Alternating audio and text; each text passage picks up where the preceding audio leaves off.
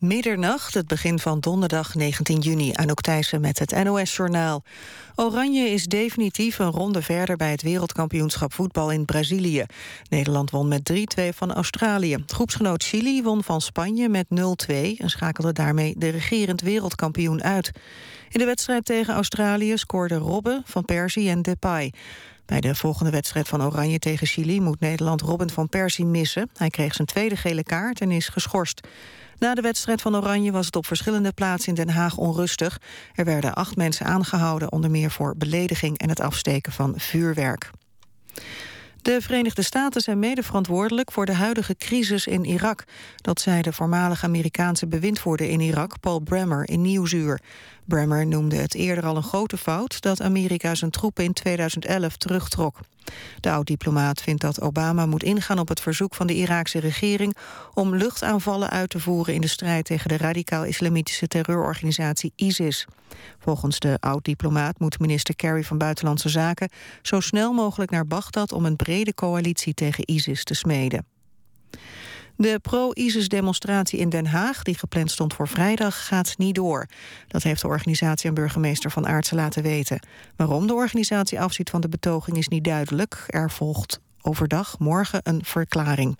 De geplande demonstratie leidde tot ophef in Politiek Den Haag. De Amerikaanse inlichtingendienst NSA is nergens in Europa zo actief als in Duitsland. Dat blijkt uit documenten van klokkenluider Edward Snowden... die door Der Spiegel zijn gepubliceerd. De Duitse regering heeft de VS vaak om opheldering over de NSA gevraagd... maar heeft die nooit gekregen. Het weer, het is wisselend bewolkt met plaatselijk een bui. De komende uren koelt het af tot zo'n 13 graden. Overdag en vrijdag is er veel bewolking met soms regen en af en toe zon. Het wordt 16 tot 19 graden. Dit was het NOS Journaal. Radio 1. VPRO. Nooit meer slapen.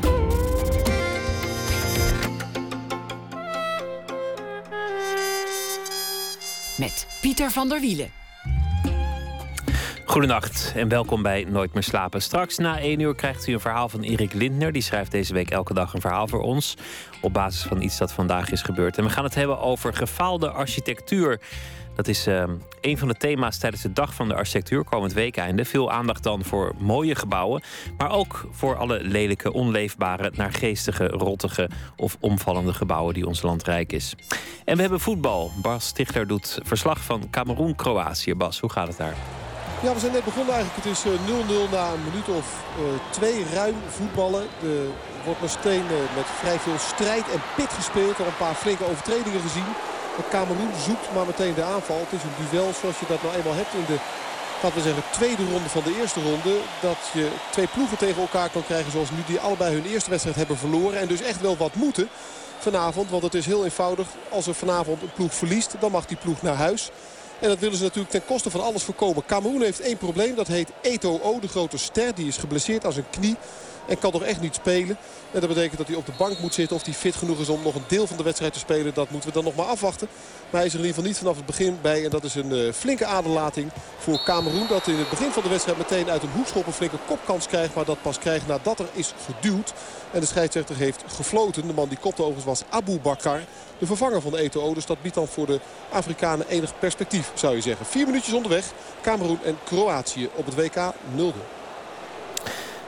we beginnen met Beatrice de Graaf. Zij is uh, vaak geraadpleegd terrorisme-expert, studeerde geschiedenis en Duits. Groeide op uh, in de regio van Putten. Werd al snel terreur-expert. Eerst aan de Universiteit van Leiden, inmiddels aan de Universiteit van Utrecht. Ze schreef uh, boeken over terreur, ook over gevaarlijke vrouwen. En morgen geeft zij in het Verzetsmuseum in Amsterdam de Anton de Kom-lezing. Een lezing die wordt gehouden ter ere van de Surinaamse vrijheidsstrijder Anton de Kom. Hartelijk welkom. Dankjewel. Terrorisme-expert. Hoe ziet de dag van een terrorisme-expert er eigenlijk uit? Waar, waar bestaat zo'n dag uit? Nou, vanochtend had ik toevallig nog uh, heel vroeg een uh, radio-interview... over het gevaar van de terugkerende Syriëgangers. Omdat ook de kinderen naar school moeten... moesten dus een busje voor het huis gereden worden... Waardoor, waar ik even in kon kruipen om daar het interview te doen. Wat nogal tot wat logistieke problemen her en der leidde. Nou ja, daarna had ik vandaag uh, met gevaar voor eigen leven een dag heel erg bewaakt om alleen maar aan onderzoek te doen. En uh, dat was ongeveer wel het meest spannende wat ik vandaag heb gedaan. Door gewoon thuis achter mijn eigen computer te zitten. Te werken aan historisch onderzoek. Want ik ben op dit moment in Utrecht als hoogleraar geschiedenis van de internationale betrekkingen begonnen. Dus dat betekent dat ik ook veel meer ruimte krijg van de universiteit om terug te gaan in de geschiedenis. Dus het heden nog steeds te bestuderen, maar dat wel te plaatsen in een historische context. We gaan het hebben over eh, radicalisering en wat iemand drijft om te radicaliseren. En over de scheidslijn tussen, tussen helden en, en het, het kwaad. Ik kan me niet voorstellen dat iemand die zich dag in dag uit bezighoudt met dat soort thema's niet ooit zichzelf heeft afgevraagd: zit er in mij een radicaal? Zou ik zelf kunnen radicaliseren? Ja, gek genoeg kan ik het ontzettend goed volgen. Ik kan het heel goed begrijpen dat mensen zich helemaal in een denkbeeld verliezen. Dat ze op een gegeven moment bereid zijn zich op te offeren. Ik kan ook heel goed die gedragspatronen en ook gedachtenpatronen volgen. Dat is ook datgene wat ik bestudeer, dus dat moet ook. Je moet je er dan ook in verplaatsen. Ik ben begonnen met onderzoek te doen toen ik nog heel jong was... naar uh, weermachtssoldaten die in Putten hebben huis gehouden... waarbij ik ook een heel aantal heb geïnterviewd. Daarna ben ik gepromoveerd op de Oost-Duitse geheime dienst, de Stasi... Waardoor, waar ik ook een heel aantal interviews met nog levende Stasi-mensen... ook een paar Stasi-generaals heb gehouden in, in het voormalige Oost-Duitsland.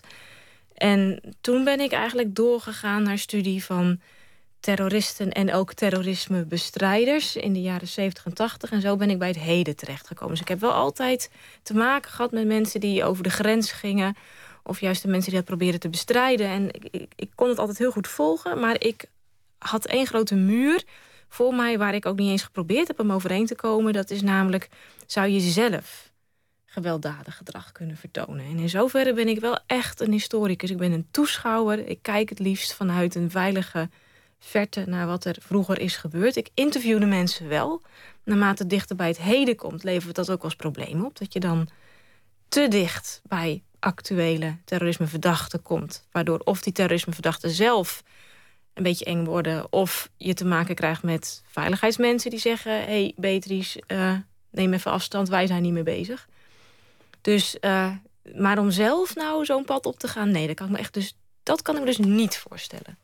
Toch een toeschouwer, want ik had het daar gisteren over... met uh, componist Merlijn Twaalfhoven. Die is bezig met onder andere een project over Syrië... over Syrische vluchtelingen. Hij zei, ik kan niet toekijken. Ik moet iets doen als ik, als ik leed zie. Ik moet actie ondernemen. En eigenlijk vond hij een, een beetje, liet hij doorschemeren dat iedereen zo moet leven. Ja, nou in zover doe ik natuurlijk wel wat. Uh, ik schrijf erover en ik schrijf ook niet alleen maar over zaken die heel lang geleden zijn, maar ik probeer daaruit lessen te trekken voor het heden. Ik schrijf voor wetenschappelijke tijdschriften die maar een handjevol mensen lezen. Maar ik schrijf ook rapporten voor ministeries. Ik treed ook in het publiek op met lezingen... waarin ik probeer dingen uit te leggen, zoals nu of in de media. Dus wat ik doe, is dat ik wel probeer uit te leggen... hoe het zover kan komen dat mensen radicaliseren. Wat eraan gedaan is in het verleden, wat werkte ook heel nadrukkelijk wat niet werkte. En om uh, mensen de handelingsperspectieven te bieden... wat we nu kunnen doen. En verschillende scenario's naast elkaar te zetten. Dus in, zo, in zoverre ben ik wel degelijk ook heel erg bezig iets te doen. En ik zei net dat ik me heel goed kan inleven in... Uh, ik kan me zelfs inleven in een jonge weermachtssoldaat... die gedwongen wordt of zich gedwongen voelt... om met zijn kameraden mee te gaan naar het front. Ik kan me minder inleven in stasi-generaals... die dat niet per se hoefden met het geweer op een borst. Ik kan me ook minder goed inleven in... Uh, of eigenlijk heel slecht inleven in zelfmoordterroristen vanuit Nederland... Wel weer uh, in terroristen uit de Palestijnse gebieden bijvoorbeeld... die echt in een situatie van uitzichtsloosheid leven. En wat die mensen bindt daar ga ik het morgen ook over hebben in die lezing... de vlam van het verzet, is een, een heilige verontwaardiging... over het gevoel van onrecht. En dat heb ik in een hele kleine vorm zelf ook. Ik vind het soms onrechtvaardig hoe mensen worden behandeld... hoe mensen zelf met anderen omgaan. En daarover probeer ik te schrijven. Wij leven in een democratische rechtsstaat. Wij hebben het recht in onze infrastructuur, besturen, in instituties... en hopelijk ook in ons gedrag geïnternaliseerd. En dat is een heel groot goed. Het is heel erg uh, makkelijk om dat te vergeten wat de rechtsstaat is. We leven nu al zo lang in vrede. Je ziet pas dat mensen dat beseffen als ze uit de situatie van volstrekte chaos en ordeloosheid en wanorde en anarchie komen. En die rechtsstaat te bewaken en, en dat recht te laten gelden vind ik heel belangrijk. En daar schrijf ik dan ook over. Nou is natuurlijk een van de ehm, meest in het oog springende aspecten van terreur, eh, of, of iemands ideaal nou terecht is of niet, is het aanjagen van angst. En, en het, het proberen het absolute kwaad teweeg te brengen om zoveel mogelijk effect te sorteren. En daarbij hoort ook een, een totaal gebrek aan respect voor mensenlevens, uh, andermans waardigheid. Dat maakt ook dat, dat het beroep van terrorisme-expert heel vaak gaat over hele gruwelijke dingen. Zijn er nog momenten dat, dat, je, dat je walgt van wat je leest en ziet? Nou, dit is natuurlijk een soort beroepsdeformatie, wat je wel hoort van fotografen die dat soort beelden echt zelf zien en fotograferen, is dat de lens ertussen zit. Bij mij zit, zit het papier en de pen en de computer ertussen. Uh, ik heb wel fases gehad. Uh, eigenlijk vooral de tijd nadat ik mijn kinderen had gehad. Misschien ook doordat hormonen opspeelden. Dat ik het echt niet kon aanzien. Maar uh, beeld is toch echt anders dan geschrift. En op het moment dat je dagelijks geconfronteerd wordt met gigantisch heftige, gruwelijke beelden, wat nu dus gebeurt. Hè? Eh, de oorlog in Syrië heeft ook een parallelle oorlog, de YouTube War. De duizenden filmpjes die omgaan van martelingen, executies. We hebben er laatst ook nog weer een gezien van ISIS waarin allerlei Irakese soldaten worden geliquideerd. Uh, dat zijn wel hele gruwelijke beelden. En ik kan ze niet goed aanzien. Ik wil ze ook niet aanzien omdat ik bang, eh, op grote schaal, omdat ik dan bang ben dat ik afstomp. Ik heb een tijd gehad toen was ik net klaar met mijn studie. Toen, of nee, nog tijdens mijn studie. Toen mocht ik stage lopen, ook om mijn Duits een beetje te verbeteren... in een concentratiekampmuseum. En dan moest ik allerlei uh, verslagen van de Gestapo beoordelen. Nou, dat deed ik in de winter. Het was ijskoud, dus ze hadden geen geld om een verwarming te betalen. Ik zat er met mijn jas aan te klappen, tanden... Gestapo vol te verslagen te lezen. Terwijl je in die tentoonstellingsruimte zit... waar dus de foto's van Lijkenbergen uh, uh, hingen. Daar kon ik niet tegen. En da daar ben ik op een gegeven moment toen ook mee gestopt. Ik ben toen ook niet verder gegaan met de Tweede Wereldoorlog. Dat kwam te dichtbij, ik weet het niet. En toen ben ik dus overgegaan op uh, nou ja, de Oost-Duitse geheime dienst en terrorisme. We gaan het straks hebben over de YouTube-war en over het uh, ronselen van uh, strijders in, in, Syrië en voor Syrië. Maar er is gescoord tussen Cameroen en Kroatië. Bas Tichler, vertel. Ja, het eh, merkwaardige is, maar zo gaat dat af en toe in het voetbal... dat de ene partij wat beter lijkt in het begin. Cameroen is dat geweest, maar dat na 12 minuten toch de ander, Kroatië, op voorsprong komt. Voor het eerst eigenlijk dat het aan die kant gevaarlijk is. Een voorzet van Suriname vanaf de rechterkant komt uiteindelijk voor de voeten van Olic. Dat is een spits die al een poosje zijn geld verdient in Duitsland. Zeker niet de minste. En omdat zijn directe tegenstander Mabia een beetje te laat is... en eigenlijk net een half metertje te laat arriveert op de plek waar de bal al is... en Olic dus ook kan hij eigenlijk zo bij de tweede paal van dichtbij binnenlopen. En heeft ook de doelman van Cameroen geen schijn van kansen. Staat Kroatië dus vroeg in het duel na nu 13 minuten met 1-0 voor. Nou, ik voorspel dat er nog vele doelpunten zullen, zullen volgen.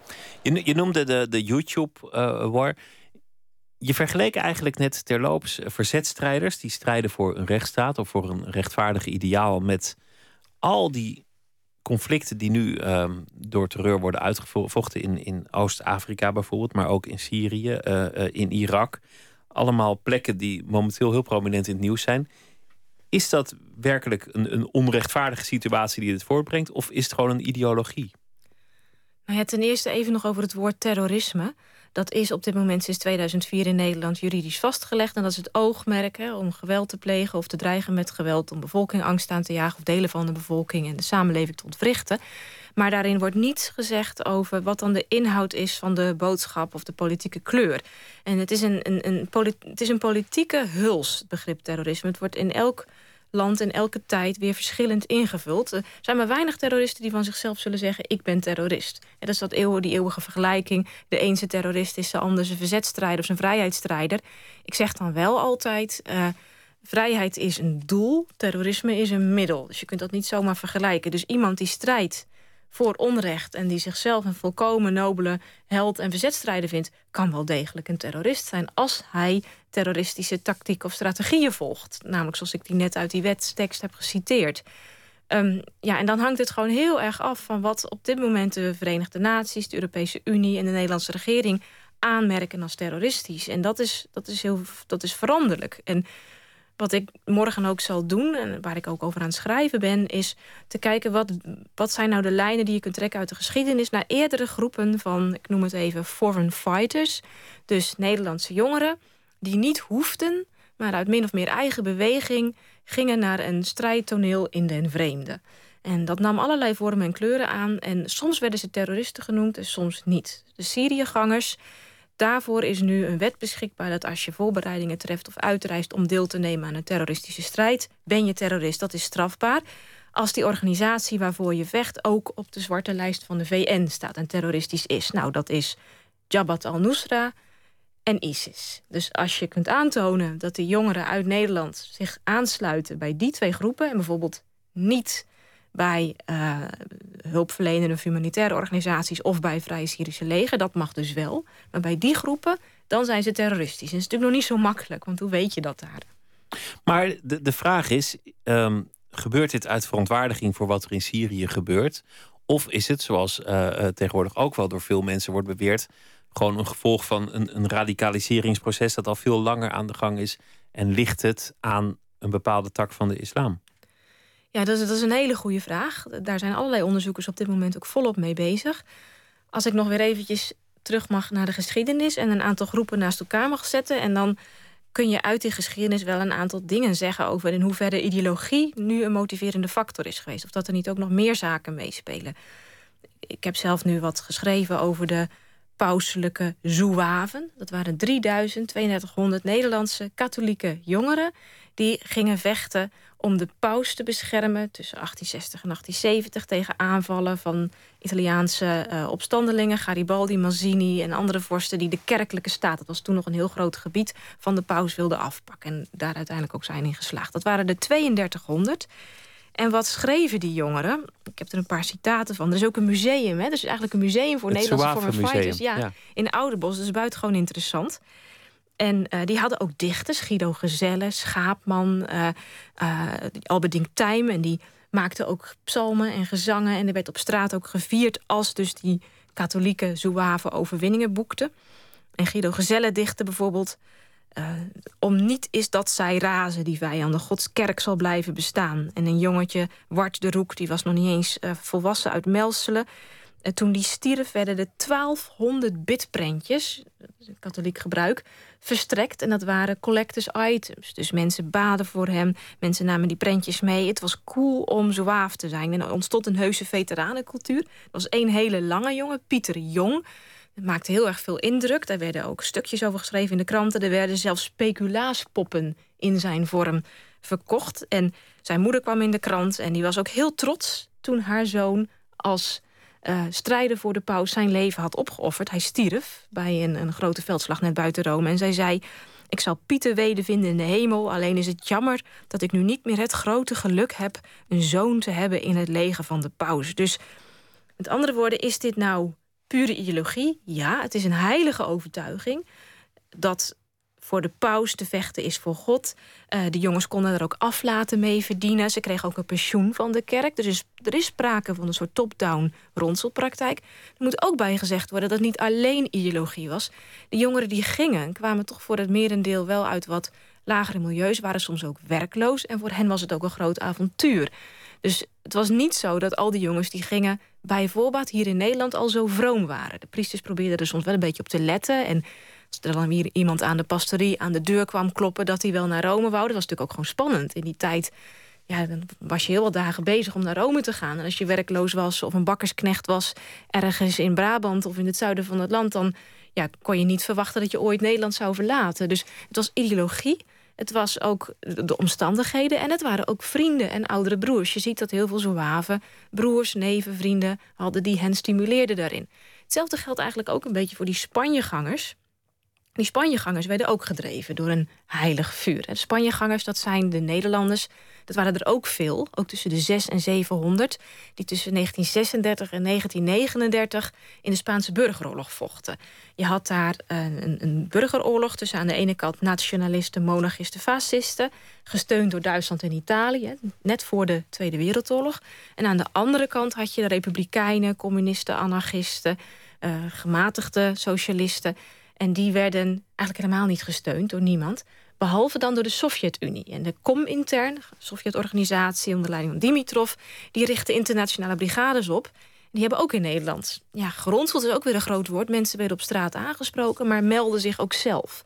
Dus ronselen in de zin van dat er loesje figuren rondkruipen... die jongeren dronken voeren en ze dan op een schip zetten... en dan ben je matroos. Dat is veel te sterk top-down gedacht. De jongens wilden dat zelf, maar ook hier bij die Spanje-strijders... geldt ook dat er inderdaad ook wel ideologie bij was... maar er waren ook wel een aantal niet-communisten... en ook avontuurdrang... En uh, nou ja, ook jongeren die zich gewoon mee lieten nemen door vrienden... aangemoedigd door vriendinnen die daarheen gingen. Kortom, het is van alle tijden dat mensen zich laten verleiden... om uh, het veilige Nederland te verlaten voor een, een conflict in den, in den vreemde. Um, de vraag is natuurlijk wat er gebeurt als ze terugkomen. Uh, wat in Brussel is gebeurd, de aanslag op het Joods Museum al daar... dat was een, een teruggekeerde Syriëganger dat is natuurlijk waarschijnlijk het verschil met de, de Soaven in, in de 19e eeuw en, en de Spanjegangers. Nou, niet helemaal. Eh, ik, je kunt ook nog verwijzen naar de 40.000 Nederlanders die zich aansloten bij de Waffen-SS, ook foreign fighters. En van zowel de Zouaven als van de Spanjegangers, als ook van die Waffen-SS zijn berichten bekend dat een enkele teruggekeerde, dus niet heel veel, maar een enkele, wel degelijk doorging met gewelddadig verzet tegen alles en nog wat. Een aantal Zouaven, niet in Nederland, maar een aantal Zouaven ging bijvoorbeeld naar Spanje in de Carlistenopstand om daar door te vechten.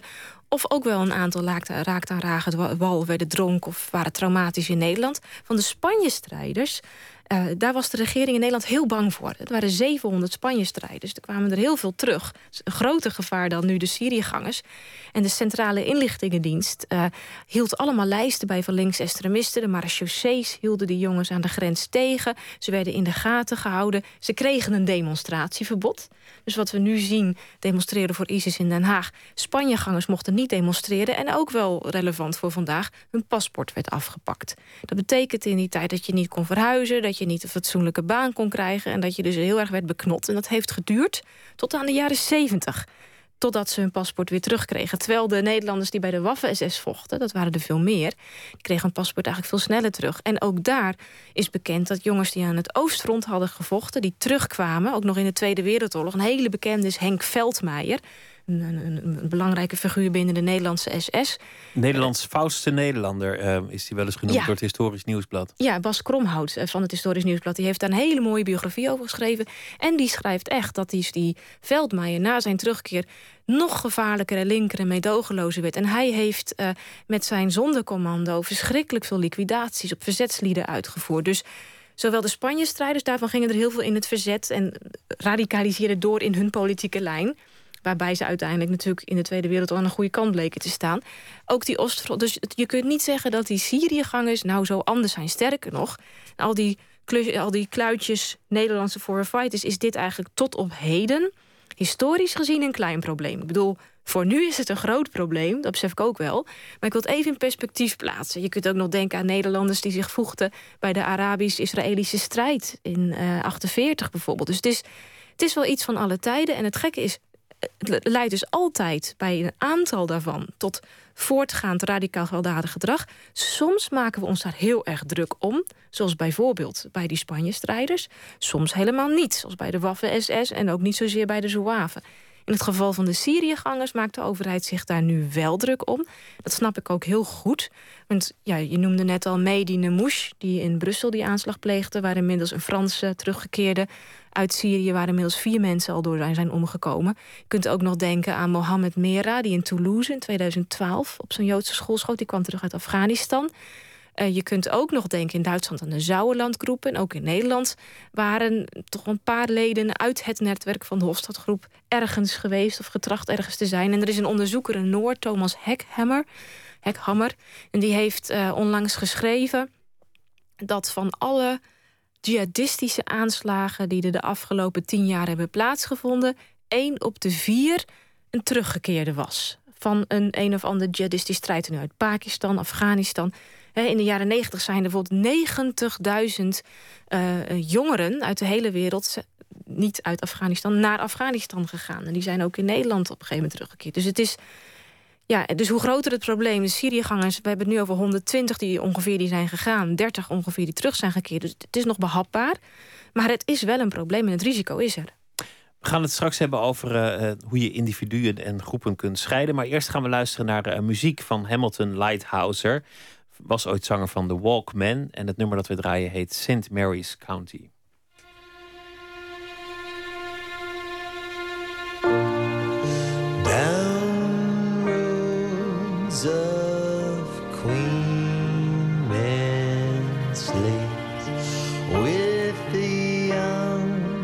my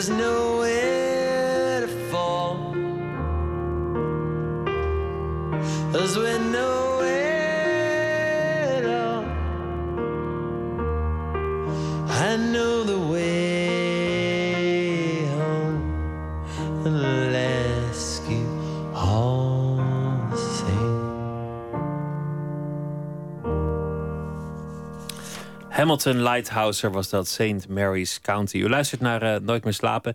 In gesprek met terrorisme-expert Beatrice uh, de Graaf. Ik, ik, wil het even heel beeldend maken. We hebben, we hebben het gehad over dat het eigenlijk van alle tijden is... dat mensen zich aangetrokken voelen vanwege hun eigen ideologische achtergrond... tot een strijd in een vreemde. Niet alleen de ideologie, maar ook andere omstandigheden en ja. groepsdynamiek. Hè? Ja. Maar um, je, je woont in, in de Schilderswijk en uh, je, je hebt een opleiding misschien, of, of je werkt ergens. Uh, je hebt een brommertje, je hebt een vriendinnetje, je hebt een bondkraagje. Nou ja, je hebt, je hebt alles wat het leven mooi maakt eigenlijk en, en misschien nog wel iets meer. Hoe gaat dat? Dat iemand dat besluit achter te laten om daar een oorlog toch ver van je bed te gaan? Hoe onrechtvaardig de situatie daar ook is en hoezeer je ook betrokken voelt. Maar, maar wat maakt dat iemand die stap zet? Wordt iemand geronseld? Meld je je aan? Hoe kom je daar vervolgens? Waar begint dat? Hoe gaat zoiets? Nou ja, we weten het nog niet precies. Dat moet ik ook wel meteen even zeggen.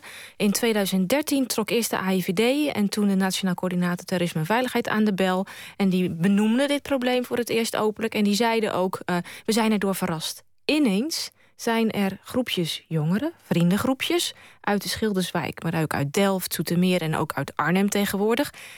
waarvan grote delen eerst nog op het pleintje in de wijk hingen... en toen ineens weg waren. En uh, vaak kreeg de IVD of de NCDV dat pas te horen... doordat ouders aangifte gingen doen van een vermiste kind. Of dat de wijkagent in één keer doorkreeg dat er een groepje jongetjes weg was. En soms ook vrouwen en meisjes. Um, dus hoe dat zo snel is gegaan, ja, dat, dat, daar weten we eigenlijk nog niet eens heel veel van. Ik doe er nu zelf ook onderzoek naar met, met een team. proberen natuurlijk ook de, de teruggekeerde jongeren te pakken te krijgen. Er zijn ook wel veel open bronnen, websites, Facebook-sites beschikbaar en ook Willen wel verhalen. Die praten, als je die benadert van hoe ging dat nou? Hoe werd je nou geronseld? Vertellen ze dat? Nee. Uh, en, en je weet ook niet wat waar is. Want uh, in eerste instantie circuleerden de berichten dat er twee of drie ronselaars echt rondliepen... die geld gaven en telefoonnummers verstrekten in de Schilderswijk... en jongeren opriepen en aanspraken. Uh, eigenlijk net zoals in dat in het verleden ging. Het ging niet via de moskee. Hè? De zouave ging nog via de katholieke kerk en keurig de priester. Het interessante, of ook het, ja, het, het, het lastige bij deze groepen is... dat de moskeeën wel geleerd hebben... en het er moet ook nog even gezegd worden... het merendeel van, de, van, van alle moslims in Nederland... het over, over, overgrote merendeel... vindt het dus helemaal niks dat jongeren naar Syrië gaan... om daar te doden of te vechten. Uh, maar het merendeel van moslims heeft wel begrip voor de oorlog tegen Assad. Het is dubbel, het is een beetje ambivalent. Moskeeën hebben wel gezegd tegen jongeren die de jihad echt verkondigen... dat mag niet en dat kan niet. En er zijn nu ook fatwas uitgevaardigd... dat deelname aan de oorlog in Syrië niet onderdeel is van de jihad. Dus maar niet... Dus... toch zit er een gevoel van rechtvaardigheid in. Het is, het is niet helemaal verwerpelijk. Er zit toch, het is een terechte strijd, maar je moet hem Ja. niet voeren. Of je moet er niet naartoe gaan, Nou, maar het- we begrijpen waar het vandaan komt. Nou ja, dat is echt mijn punt. Hè. Dat zie je in elk van de historische fases terug. Het begint met een grote schil van begrip, eh, onuitgesproken steun, zelfs sympathie voor het deelname aan een strijd of voor een, een strijdende partij elders. Dus communistische steun voor de Republikeinen, katholieke steun voor de Zouaven en ook wel islamistische of misschien ook wel moslim-islamitische steun voor de strijd tegen Syrië. 80% van de moslims, is een onderzoekje gedaan vorig jaar door Motivaction. 80% van de moslims die in Nederland wonen vinden dat Nederland te weinig doet en vinden dat er meer moet gebeuren en hebben begrip voor jongeren die zich daar aansluiten. Goed, nu hebben we die beelden van ISIS gezien. Nu zijn er inmiddels al 14 Nederlandse jongeren gestorven. Dus ik kan me voorstellen dat als Motivaction weer het onderzoek zou doen, dat het begrip wel wat daalt. Ehm, maar goed, daar begint het dus mee, met zo'n schil. Dan heb je ook plaatsen nodig waar daarover gesproken wordt. Waar mensen elkaar versterken in hun denkbeelden. Nou, dat zijn dus niet de moskeeën. De jongeren hebben eigen bidplaatsen gecreëerd. En er loopt ook veel, en dat is ook natuurlijk nieuw, via internet. En vergeet ook niet, in de tijd van de Hofstadgroep... waren er nog vrienden met jihadistische sympathieën... die elkaar videocassettes gaven. En die moesten dan gekopieerd worden, was een heel gedoe. Tegenwoordig worden Facebook-filmpjes... er- er springen echt dagelijks allerlei Facebook-sites op... die worden dan duizenden keren geliked. Dus dat gaat veel makkelijker. Dus maar je, staat... zei, je zei net zelf aan het, aan het begin... eh, dat zijn beelden die ik te gruwelijk vind. Ja, Daar kan ik eigenlijk mijn professionele distantie niet betalen, eh, bewaren... omdat het zo gruwelijk is. Filmpjes van onthoofdingen, ehm, gruwelijke eh en ik, ik wil ook niet afstompen. Daarom Nee. wil ik ze ook niet verder bekijken. Maar wat is de aantrekking van een, van een filmpje, van een onthoofding of, of een foltering...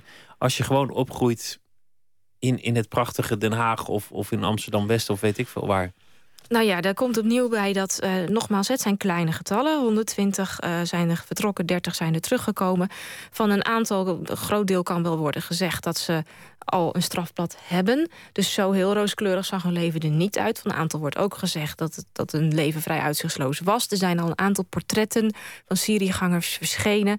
eh, waarvan je in individuele gevallen allemaal kunt zeggen van nou ja, dat was wel een probleem. Maar dat, ik vind dat heel moeilijk om dat te doen. Je gaat heel snel mee met wat eh, de Nobelprijswinnaar Daniel Kahneman de hindsight bias noemt. Van ik wist het, ik wist het al lang effect. Dus stel ik pleeg morgen een aanslag of jij doet morgen iets geks, dan is er altijd wel iemand die zegt van nou, die Pieter of die Beatrice, ik wist het al lang, daar, daar klopte iets niet aan. Dus het is met terugwerkende kracht voor ons nu heel makkelijk om iets te plakken op de jongen. Van ja, hij heeft zijn diploma niet gehaald. Nou, geen wonder.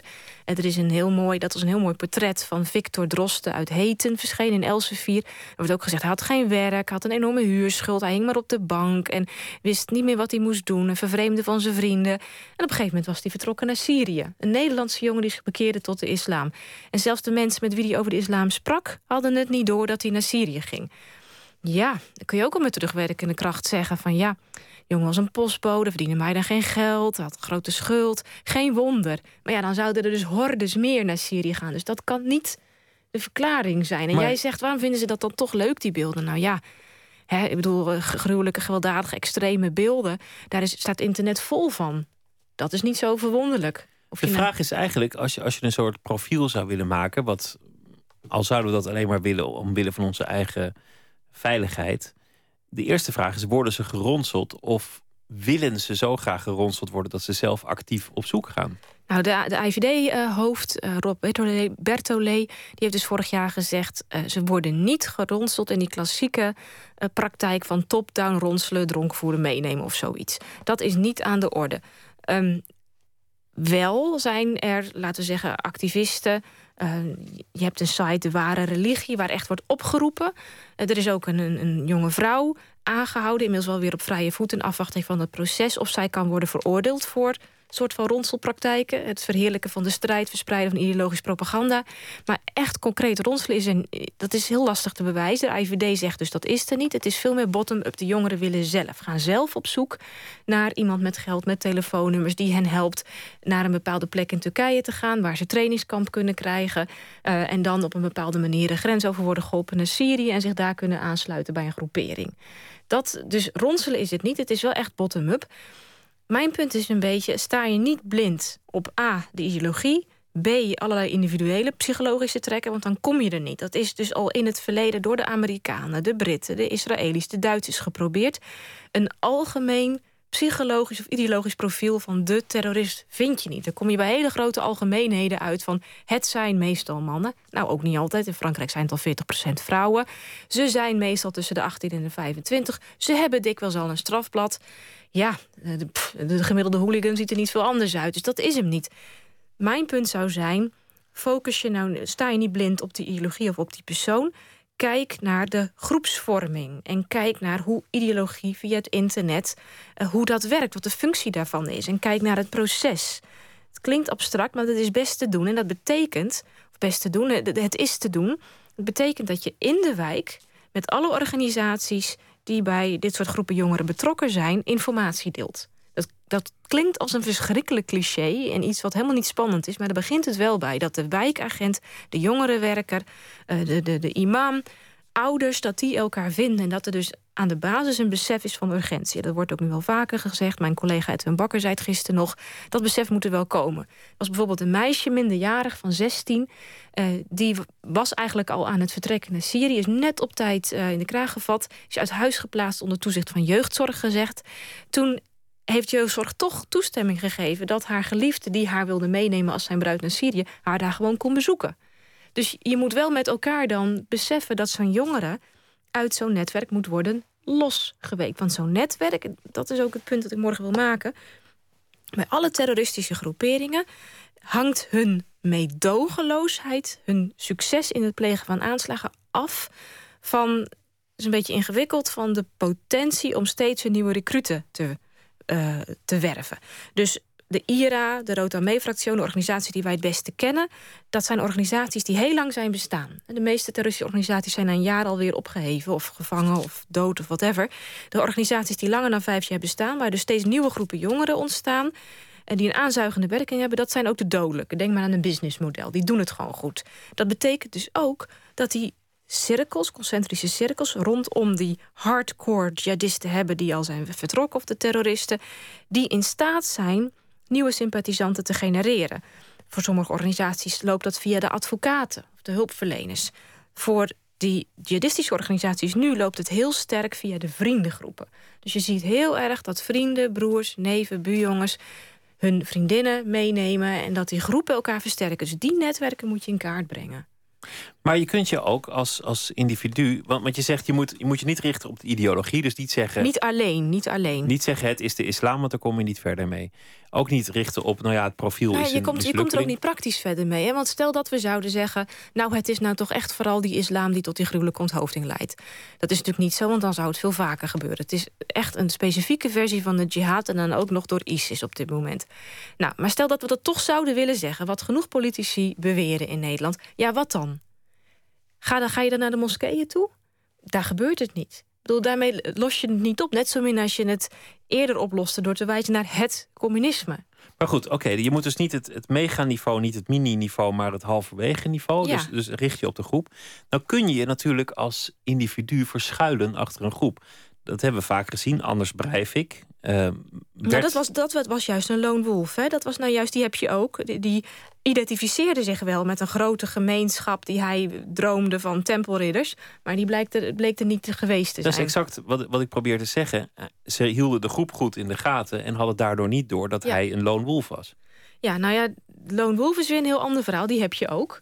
Wat, wat ook nog weer lastig is, van Mohammed Merah werd eerst ook gezegd dat hij een lone wolf was. Maar die blijkt nou ook wel deel uit te hebben gemaakt van het netwerk. Dus dat is ook lastig om te beoordelen. Hè? Timothy McVeigh, was dat nou een lone wolf? Of zat hij toch wel in zo'n netwerk van white uh, supremacists? Dat is heel erg lastig om te zeggen als je niet alle cijfers en gegevens hebt.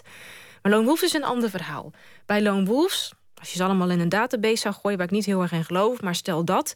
komt er bij lone wolves vaker uit. Uh, schoolshooters zijn ook vaak lone wolves daar worden dan vaak uh, officiële medische psychologische di diagnoses gesteld dat er iets niet klopte. Bij eh, de, ja, radicale en gewelddadige extremisten die in groepsverband opereren, is het niveau, is het aantal mensen met een, een psychologisch, pathologische, cognitieve stoornis best wel gering. Omdat zo'n groep zichzelf schoonhoudt. Je kunt het niet hebben dat in een terroristische groepering of aan het front er iemand rondloopt die psychopathisch gestoord is. Dus je kunt wel heel makkelijk zeggen: ja, je moet gek zijn om erheen te gaan. Dat is een geleidelijk proces. Goed, ze worden daar misschien uiteindelijk wel gek gemaakt en komen zwaar getraumatiseerd terug. Maar het is een geleidelijk proces. En er zijn genoeg verhalen inmiddels bekend. Twee jongens uit, eh, uit Arnhem, jonge jongens. Robin, die zich heeft bekeerd tot de islam.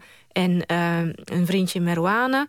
Uh, die aan het rappen waren, ook wel over onrecht. En in één keer waren ze weg naar Syrië. Dus wat, wat heeft hen nou daartoe bewogen? Ja, dat, dat laatste geheim dat kunnen we niet ontsleutelen. Het enige wat je kunt doen is het risico dat deze specifieke golf van jihadisme, nu de Syriëgangers, dat je dat beheerst.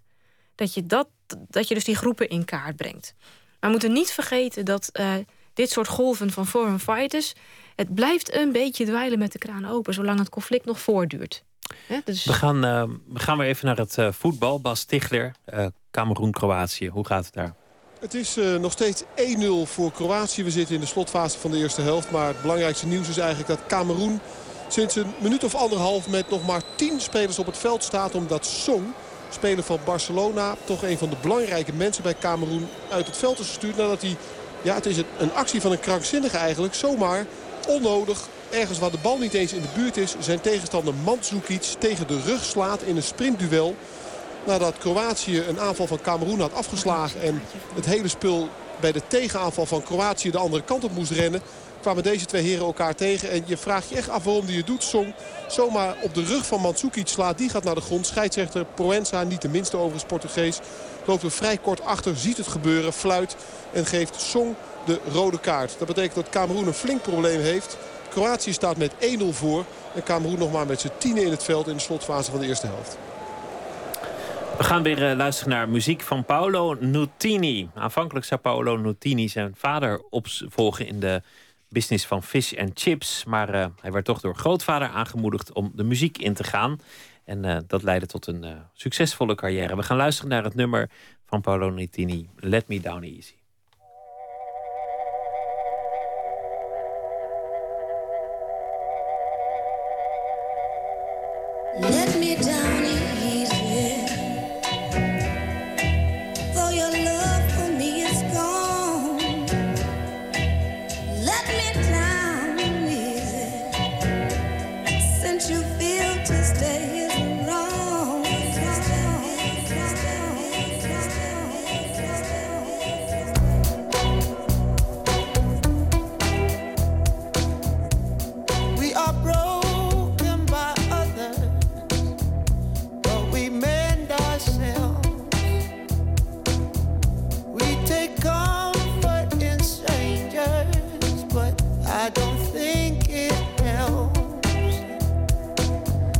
Every fool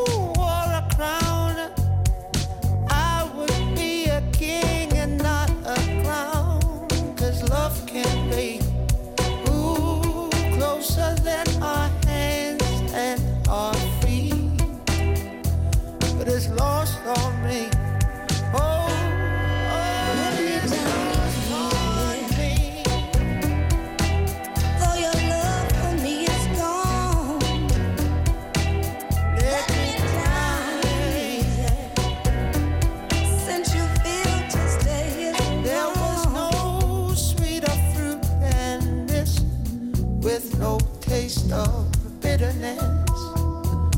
It was so fresh and sweet before, but I can't taste it anymore. Oh, no. I was like a man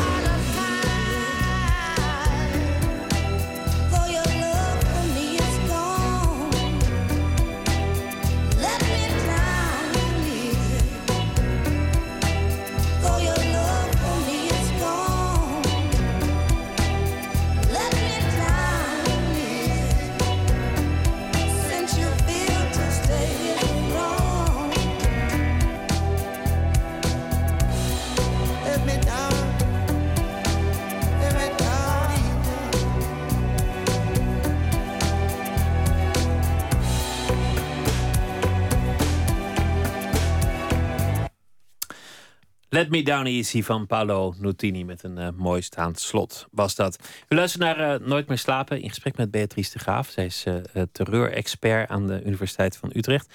Je zei net, het succesverhaal van een terroristische organisatie hangt er vanaf in hoeverre ze erin slagen om steeds nieuwe recruten te werven. Dus de Rote Armee-fractie wist vrij langdurig um, linkse mensen te werven voor hun acties. Je zou, als, je, als, als dat je, je perspectief is, kunnen zeggen dat na 11 september 2001 Al-Qaeda niet bijster succesvol is geweest in het werven van terroristen in het Westen. Nou, in Nederland in ieder geval niet. En het is ook niet zo dat Al-Qaeda vanuit uh, grotten of waar dan ook direct probeert in Nederland recruten te werven. Het was ook hier vaak meer een bottom-up processen, franchise terrorism. Jongeren die zelf claimden ineens lid te zijn van Al-Qaeda of contacten te hebben. Mohammed Mera in Frankrijk, die ook claimde dat hij contact had, wat waarschijnlijk helemaal niet zo was. Dat maakt het niet minder erg, maar dat geeft aan wat wel eens gesuggereerd werd jaren geleden: dat er één soort centrale zou zijn die als een octopus zijn tentakels over de hele wereld uitstrekte. Zo goed bleken ze niet georganiseerd te zijn. En, maar ja, dat maakt het er niet minder dodelijk om. De opkomst van ISIS, ISIS of ISIL in Syrië en Irak, is nou juist ook een gevolg van het feit dat Al-Qaeda zo slecht centraal georganiseerd is dat uh, ISIS en ISIS, uh, niet meer luistert. Naar, luisterde al niet naar Bin Laden. Bin Laden schreef al regelmatig brieven aan de ISIS-leiders van jongens, dimmen. Dit roept geen sympathie op bij de meerderheid van de Umma, de moslimgemeenschap. En ook de opvolger van Bin Laden, Zawahiri, die heeft ook gezegd: ISIS mag zich niet meer met Al-Qaeda solidariseren, want ze gaan te ver. Dus zelfs Al-Qaeda vindt dat ISIS te ver gaat. Maar ja, dat laat juist het geweld in die regio enorm op, op, oplaaien. Maar waar ISIS wel in staat toe is, het vinden van nieuwe recruten door dwang, door gruwelijke onthoofdingen, door allerlei andere acties, door het feit dat de Irakese regering Maliki zijn troepen gewoon terugtrekt en het noorden aan zijn lot overlaat, en door het feit dat die Maliki ook jarenlang Soenieten in het noorden heeft onderdrukt, waardoor ISIS een toevoer heeft, toch ook wel van Soenitische strijders en ook heel veel jongeren. En vergeet niet, wij juichen nu over het WK in Syrië en Irak, maar ook in Nederland juichen ze over de overwinningen die ISIS behaalt op Mosul en al die andere steden. En nou aan het voorrukken is naar Bagdad. En het schijnt zelfs dat de foto's circuleren, of ik heb de foto's ook gezien, dat Nederlanders een chocoladetaart zouden hebben bezorgd bij ISIS met in letters erop geschreven hartelijk gefeliciteerd met de overwinning. Dus dat speelt enorm en dat leidt ook weer tot nieuwe recruten. Dus maar ISIS is, toch is een, heel succesvol op dit moment. Toch, toch een gevoel van, uh, um, nou ja, het, het zijn mede-moslims. Of, of hoe moet ik dat zien? Waarom zou je vanuit Nederland chocoladetaart sturen naar, naar Irak? Wat heb je ermee te maken? Nou, dat, daar is dan dus toch die ideologie voor nodig, die het legitimeert en rechtvaardigt dat onrecht begaan aan moslimbroeders, Soenieten, wat ISIS zegt in Irak, dat dat de hele gemeenschap raakt. En op het moment dat jij je identificeert met de wereldgemeenschap van de Oema vanuit een jihadistisch perspectief en zegt van onrecht aangedaan aan die broeders, dwingt ons hier in het Vrije Westen om ook eh, niet alleen geld te betalen of te bidden, maar ook daarheen te gaan en te vechten. Nou zei ik net al dat de meeste moslims dat dus niet vinden. En dat vanuit Saudi-Arabië, Egypte, maar ook in Nederland eh, imams dus zeggen dat is niet deel van de jihad, dat mag je niet doen. De, het is dus echt maar een klein groepje. hè. Dus in zoverre zijn die groeperingen in Nederland niet succesvol dat er nog maar eh, 120 daarheen zijn gegaan. Dat is dus zeker ook in historisch perspectief gering. Maar goed, we weten niet hoe het nu verder gaat. Nu ISIS daar zoveel successen boekt. Als je het hebt over het bestrijden, stel je gaat door met dat, met dat model hè, van een terroristische organisatie is pas succesvol als het lukt om sympathie te werven bij als je medestanders. grote re- recruitment pools hebt. Ja. Ja, en, en nieuwe terroristen te werven. Dan kom je eigenlijk bij een heel andere manier van terrorismebestrijding dan we, dan we de afgelopen ehm 13 jaar gedaan hebben. De afgelopen 13 jaar was het heel erg gericht op het voorkomen van aanslagen op luchthavens, streng controleren, zorgen dat niemand vloeistof bij zich heeft. Moet je natuurlijk ook doen. Maar hoe kun je voorkomen dat mensen zich laten recruteren of dat er een sympathieke bodem voor recruten ligt? Nou, dat is wel gebeurd. Na 2004 zijn er allerlei, ook op lokaal niveau, actieplannen ontwikkeld in Amsterdam en in Rotterdam en Den Haag. om eh, radicalisering aan de basis te voorkomen en te beheersen en ook aan instroombeperking te doen. Bij Amsterdam was bijvoorbeeld een plan wat in Amsterdam is gelanceerd. Er werden veiligheidshuizen geopend. Er is een CT-infobox opgericht. Dat is een middel waardoor allerlei verschillende diensten, politie, AIVD, de IND, in elkaars informatie kunnen kijken, wat normaal niet mag. De scheiding van de machten. En dat zijn ook heel veel middelen die wel degelijk zijn ingevoerd. Dus het is niet alleen maar met safety middelen op het luchtveld eh, gebeurd afgelopen 13 jaar of wetten, maar ook met dit soort middelen. Maar daar is langzamerhand, naarmate de aanslagen uitbleven, op bezuinigd. Eerst kon de AIVD heel erg groeien naar 1800. Toen werd gezegd, nou het is niet meer nodig, het valt allemaal wel mee, bezuinigen. Terwijl je nu ziet dat met symboolpolitieke maatregelen... dus het keihard schreeuwen om nieuwe wetten of paspoort afpakken... kom je er niet alleen. Je hebt een soort combinatie nodig van ja, de, de, de preventieve middelen... die bestaan ook uit reïntegratie, resocialisatie aanbiedingen... en sancties. En daarvoor heb je ook wetten nodig. Dus die nieuwe wet, 134a, dat het nu mogelijk is om ook de gang naar Syrië te criminaliseren. Dat kon eerst niet. Het paspoort kon je alleen maar afpakken als iemand in vreemde krijgsdienst trad. Maar een, een, een terroristische organisatie is niet vreemde krijgsdienst. Dat is geen statelijke organisatie, dus daar gold die wet niet voor. Dus die is nu aangepast dat dat wel kan. Paspoorten afpakken is ongeveer twintig keer gebeurd. Maar ja, dat kan alleen maar als iemand dan niet stateloos wordt. Dus als die bijvoorbeeld daarnaast nog een Marokkaans paspoort heeft. Het merendeel van de Syriëgangers, zei uh, Dick Schoof, de nationaal coördinator gisteren, is Marokkaans. En dan kunnen ze alsnog gaan. Maar goed, uh, ook wetten zijn dus wel handig. Dan heb je sanctiemiddel achter de hand. De VN plaatst iedereen die deel, deelneemt aan een terroristische organisatie op een zwarte lijst, dan worden je te goede bevroren. Dus als je aan de ene kant die harde middelen hebt, als je aan de andere kant weet dat iemand aan het radicaliseren is, dan kun je een combinatie maken. Je kunt zeggen van nou, we weten waar jij mee bezig bent, we houden je in de gaten, maak nou gewoon je studie af, anders kom je op die zwarte lijst.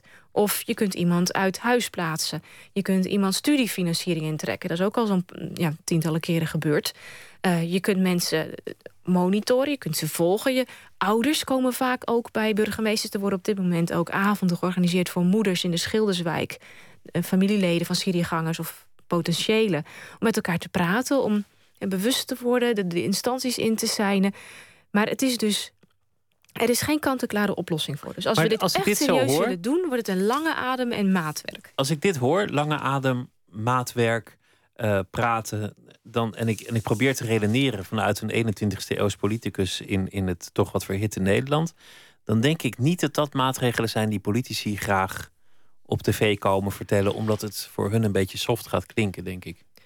Nou ja, ik weet niet of het soft is als je dit Nee, ik zeg probleem... niet dat het soft is. Ik zeg dat het, dat voor een politicus Ja, nee, ik snap, ik snap de maatregelen die ze willen nemen. Ja, maar dan zou ik zeggen tegen zo'n politicus... eh, wat is nou soft? Zomaar in het wilde weg schreeuwen dat islam verboden moet worden?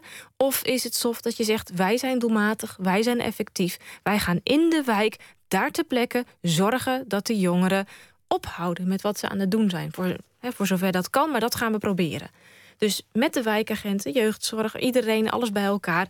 Ik weet niet wat dan, wat dan softer of harder klinkt. Het lijkt mij veel doelmatiger. Het geld lijkt me ook veel beter besteed. En alle middelen die ervoor moeten worden ingezet. Dan zomaar wat te roepen. En een wet staat helemaal aan het eind van een proces. Je kunt zoveel dingen doen voordat je in de, in de netten van het strafrecht terechtkomt. Dat is het ultimum remedium. Dus daarmee vang je terroristen niet. Dan zijn ze al lang weg en gevlogen. En al driedubbel daar bezig met aanslagen aan het plegen. We begonnen met, met de fascinatie. En, en de, de fascinatie was ook wel ehm, het verzet aan de ene kant en de terreur aan de andere kant. Eigenlijk is, is, is de vraag die er steeds onder ligt, is, is het kwaad? Is, is, dat, is dat uiteindelijk de fascinatie voor, voor terreur? Nou, vind ik toch een lastig. Ik geloof het niet.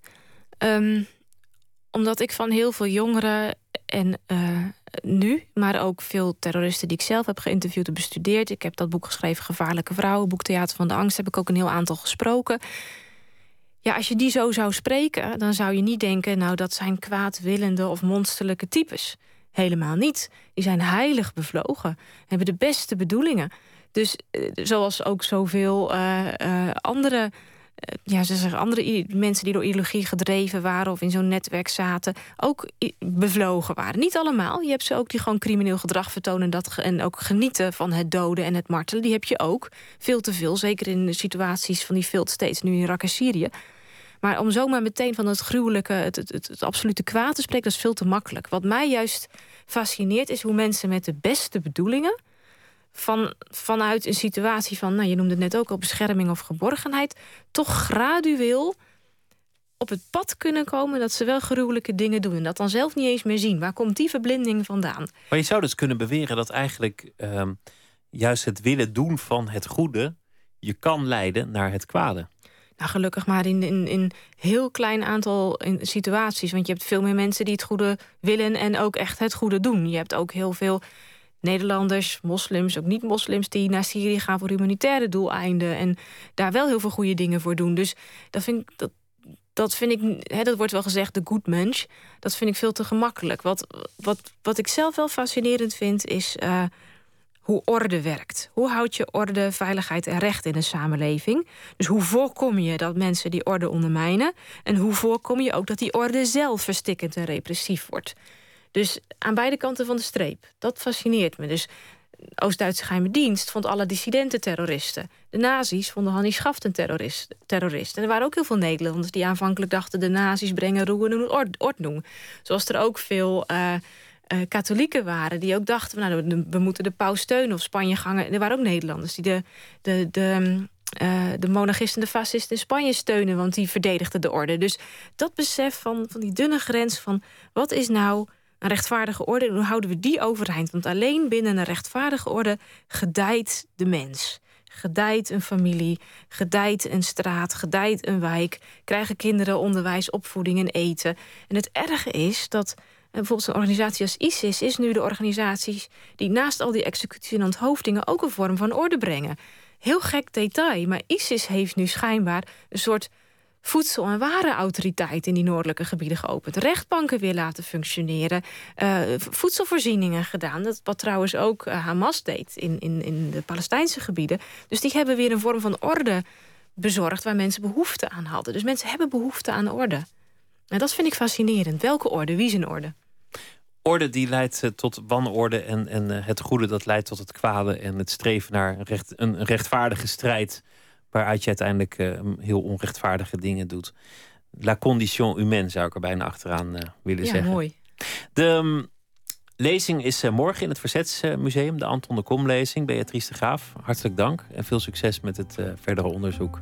Dank je wel. Ja, jij ook dank voor het gesprek. Ik kan nog even melden dat de stand van Cameroen-Kroatië gelijk is gebleven. En dat is 0-1. Zometeen is uh, Nooit meer slapen terug. En dan gaat ook het uh, voetballen verder op deze zender. Via Twitter, at VPRO NMS. Of via de mail nooitmeerslapen.vpro.nl. Straks gaan we het hebben over uh, slechte architectuur. En u krijgt ook een verhaal van schrijver Erik Lindner. Die elke dag iets schrijft op basis van wat die dag is gebeurd. In zijn leven of in de wereld. Graag tot zo.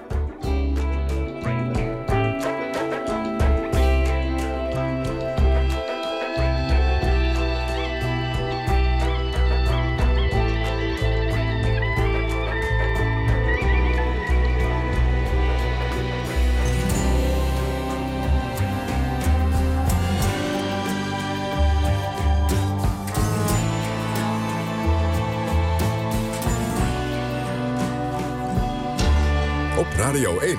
Het nieuws van alle kanten.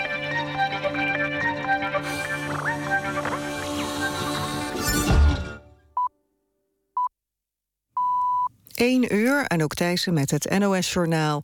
In Den Haag is het na de WK-wedstrijd van het Nederlands elftal... op verschillende plaatsen onrustig geweest. Er zijn acht mensen opgepakt, onder meer voor belediging van de politie... en het afsteken van zwaar vuurwerk. Bij het Kaapseplein in de wijk Transvaal... gooiden jongeren met fruit en eieren naar agenten. Ondanks de acht arrestaties is de Haagse politie tevreden. Een woordvoerder wijst erop dat het in het verleden veel erger was. Oranje is definitief een ronde verder bij het wereldkampioenschap voetbal in Brazilië. Nederland won met 3-2 van Australië. Groepsgenoot Chili won van Spanje met 0-2 en schakelde daarmee de regerend wereldkampioen uit. In de wedstrijd tegen Australië scoorden Robben, Van Persie en Depay. Van Persie kreeg zijn tweede gele kaart en is geschorst voor de wedstrijd tegen Chili aanstaande maandag. De Verenigde Staten zijn mede verantwoordelijk voor de huidige crisis in Irak. Dat zei de voormalige Amerikaanse bewindvoerder in Irak, Paul Bremer, in Nieuwsuur. Volgens Bremer moet Obama ingaan op het verzoek van Irak om luchtaanvallen uit te voeren tegen de radicaal-islamitische beweging ISIS. Bremer vindt dat minister Kerry zo snel mogelijk naar Bagdad moet afreizen om een brede coalitie tegen ISIS te smeden. Minister Bussemaker van Onderwijs gaat de subsidie van de stichting Vrienden van de Gay-krant terughalen. Voormalig hoofdredacteur Henk Krol zou het geld voor andere doeleinden hebben gebruikt. De accountant van de stichting heeft de goedkeuring van de besteding van de subsidiegelden ingetrokken. En daarmee wordt volgens de minister niet meer voldaan aan de subsidievoorwaarden. Vrijwel alle KLM-passagiers moeten vanaf 1 oktober op Europese vluchten betalen voor hun ruimbagage. Gewone passagiers moeten sinds vorig jaar al een toeslag betalen als ze binnen Europa ruimbagage willen meenemen. Het weer, is wisselend bewolkt met plaatselijk een bui. De komende uren koelt het af tot zo'n 13 graden. Overdag en vrijdag is er veel bewolking, soms met regen en af en toe zon. Het wordt 16 tot 19 graden. Dit was het NOS Journaal. Radio 1. VPRO. Nooit meer slapen.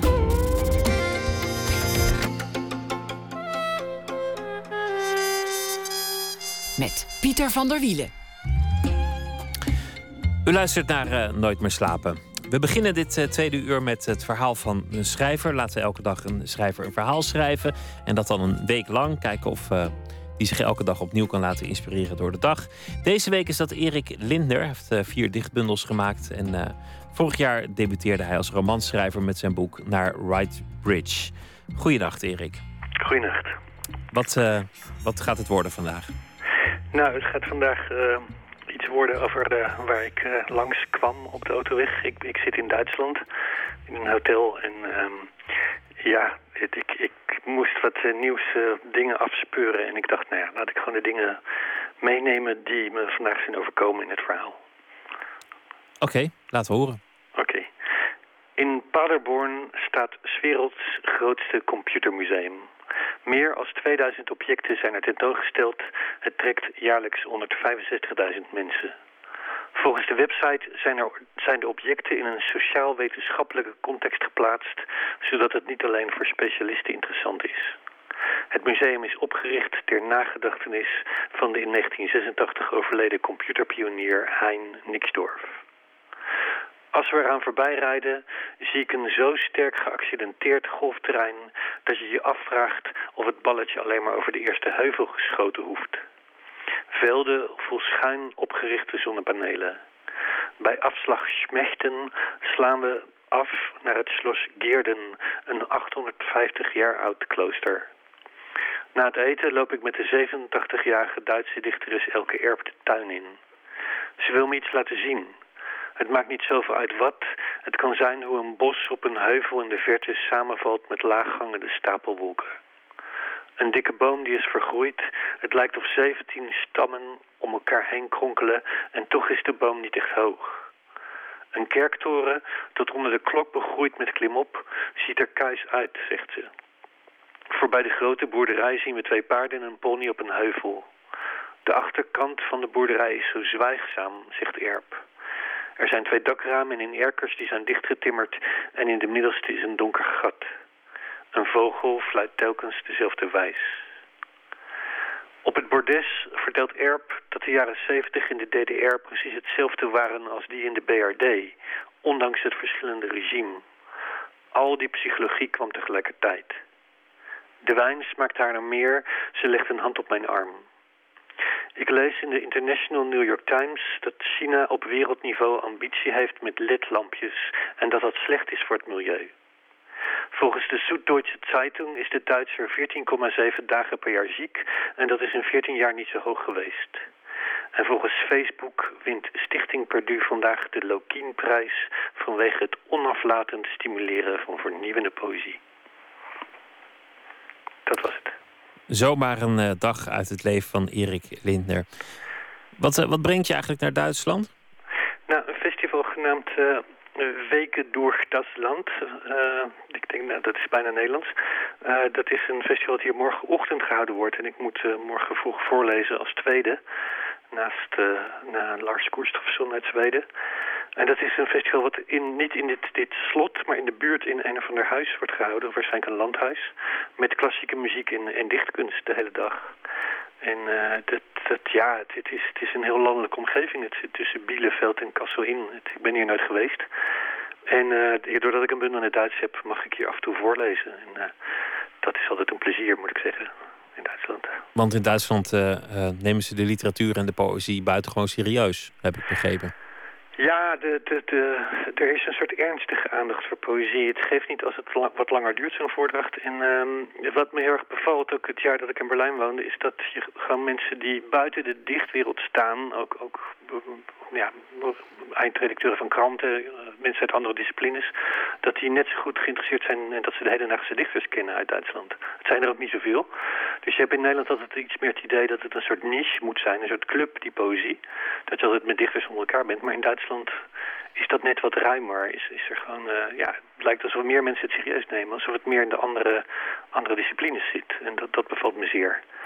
Niet om je nerveus te maken, maar je hoort altijd over het theater in, in Duitsland. Dat ze het heel serieus nemen. Dat ze buitengewoon geïnteresseerd zijn en, en uh, op de hoogte en massaal komen opdraven. Maar dat als ze het niet goed vinden, dat een Duits publiek dat ook echt luid en duidelijk laat merken met boegeroep. Hoe zit dat bij de poëzie? Dat is mij nog niet overkomen, maar soms heb ik het idee dat, dat ik in Duitsland een soort beginnersgeluk heb. Uh, ik heb na het jaar één, uh, één bundel mogen publiceren en dat, ja, elke keer dat ik heb voorgelezen ging dat op zich goed. Maar het is niet bekend dat dat met poëzie ook gebeurt in Duitsland. Dat, want hier gebeurt dat natuurlijk nooit bij een literaire avond dat het publiek massaal boe begint te roepen heb dat wel eens gehoord van twee Engelsen inderdaad. Dat Nederlanders altijd zo lief zijn. Uh, dat ze allemaal veel te snel, maar dat gaat over theater, veel te snel een staande ovatie geven. Ja, en dan na afloop op Twitter zeggen dat het helemaal ruk was.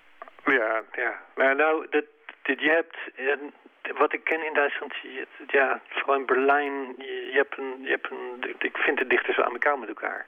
Je hebt, je hebt er minder in de. Dus ik, ik, ken het niet. Er, zijn natuurlijk ook polemieken. De Duitsers zijn heel uitgesproken in hoe het volgens hen moet. En ze kunnen ook op een hoog niveau, ja, wat wij ruzie maken zouden noemen, gewoon tegen elkaar ingaan. Maar ik, ik, heb, ik heb nog geen uh, boegeroep meegemaakt. Dat niet. Gaat ook niet gebeuren. Ik wens je heel veel succes uh, met je lezing. Dank en uh, dank voor voor je verhaal vandaag. En een goede nacht, Erik Lindner. Oké, okay, bedankt. We gaan weer eh, naar het voetbal. Bas Stigler, Cameroen-Kroatië. Hoe gaat het daar? Het is wel uh, gedaan. Cameroen dat al met 10 man op het veld stond na de rode kaart voor Song. Aan het einde van de eerste helft staat inmiddels niet meer met 1-0 achter, maar met 2-0. Doelpunt van een uh, paar minuten geleden. Komt op naam van Perisic na een gruwelijk slechte uittrap van Charles Itantje. Schitterende naam. Keeper van Cameroen. Toch onder normale omstandigheden niet de minste doelman. Heeft zelfs nog een uh, poosje, hoewel dat al wel even geleden is, onder contract gestaan bij Liverpool. Niet uh, veel gespeeld overigens, maar toch. Hij kan wel wat, maar nu was hij de weg kwijt. Leverde de bal zomaar bij Perisic in. Halverwege zijn eigen helft. Perisic zette het op een lopen. De achtervolging werd nog wel ingezet. Maar het had allemaal niet zoveel zin meer. Hij kwam uh, bij de doelman van Cameroen uit en prikte de bal eigenlijk heel makkelijk te onderdoor. En zo staan de 11 van Kroatië met 2-0 voor tegen de 10 van Cameroen. Staat er op de klok 52 minuten. Dan voel je eigenlijk nu al dat het uitspelen wordt vanavond. Cameroen is geklopt en zal naar huis moeten. Kroatië heeft nog alle kans om zich voor de volgende ronde te plaatsen. En het enige waar we ons nu er maar op verheugen... is dat we nog een paar aardige doelpunten te zien krijgen. Want een wedstrijd, nee, dat is het inmiddels niet meer. De Britse krant The Guardian omschrijft ze als quirky pop quartet en more alt J than Oasis. Het gaat allemaal over de band Glass Animals uit Oxford. Ze hebben al een eh, aantal singles gehad, een paar keer in Nederland opgetreden en nu is er dan eindelijk een volwaardig album. De titel daarvan is Saba en het liedje heet Goi.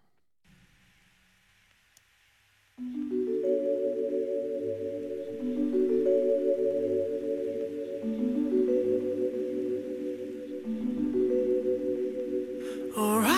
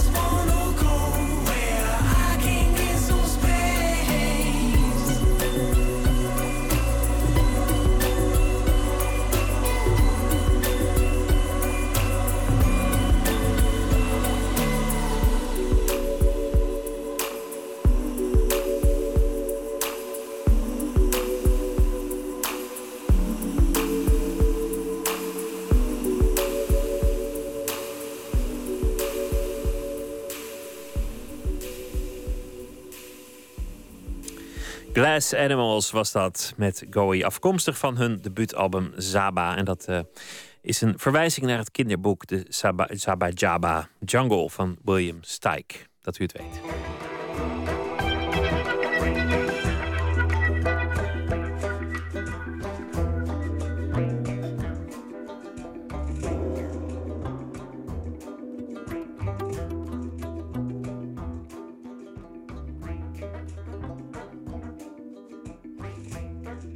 Oh, de repo.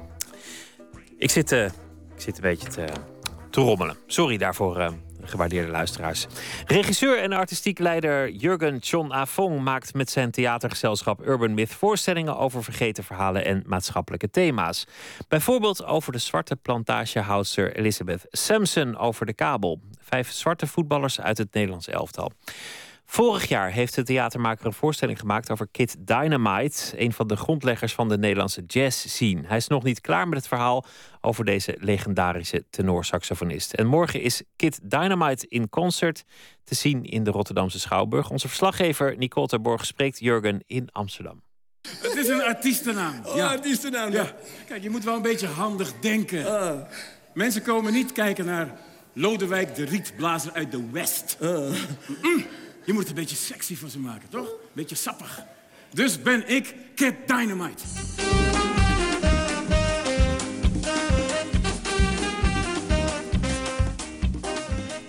Wat ik belangrijk vind in, in mijn werk is dat, ehm, dat ik verhalen op de planken breng die me inspireren. Eh, mijn ouders komen uit Suriname en, en ik, ben, ik ben zelf hier geboren. Maar die gedeelde geschiedenis, waarbij, waarbij Nederland en Suriname gelijkwaardig aan elkaar zijn en, en, en, en samen een geschiedenis hebben gecreëerd, die verhalen mis ik soms. Ehm, en Kid Dynamite is zo'n Amsterdam, zo'n Nederlands verhaal over, over inderdaad een, een jongen die vanuit Suriname hier naartoe gekomen is, maar hier ontzettend veel succes gehad heeft.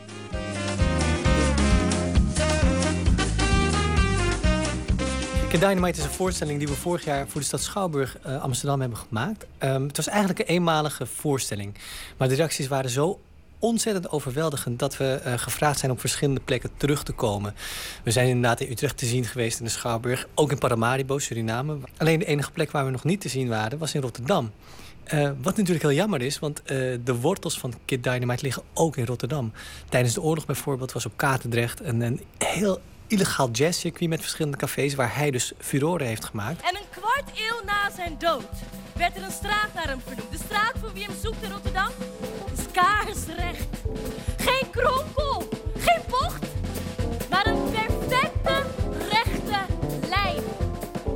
De slang is Kid Dynamite is een van de grondleggers van de Nederlandse jazz. Kan je even kort vertellen wie hij was? Ehm, Lodewijk Arthur Parisius eh, is, is, het, is de echte naam van Kid Dynamite... die als verstekeling naar Amsterdam is eh, gekomen op een boot. Eh, halverwege is hij uit het ruim tevoorschijn gekomen, is te werk gesteld... en is op een gegeven moment in Amsterdam van, van boord gesprongen. Hij heeft zichzelf eh, saxofoon leren spelen. En heeft onder andere opgetreden in, op braderieën in Groningen... maar ook als vuurvreter in het circus. Zoals heel veel jongens, avonturiers uit Suriname deden. Alleen het talent dat hij had, is dat hij fantastisch saxofoon kon spelen. En daardoor werd hij opgemerkt en daardoor eh, werd hij een veelgevraagd muzikant. Uiteindelijk heeft hij zijn eigen band opgericht, waarmee hij door heel Nederland en Duitsland is, is gaan toeren.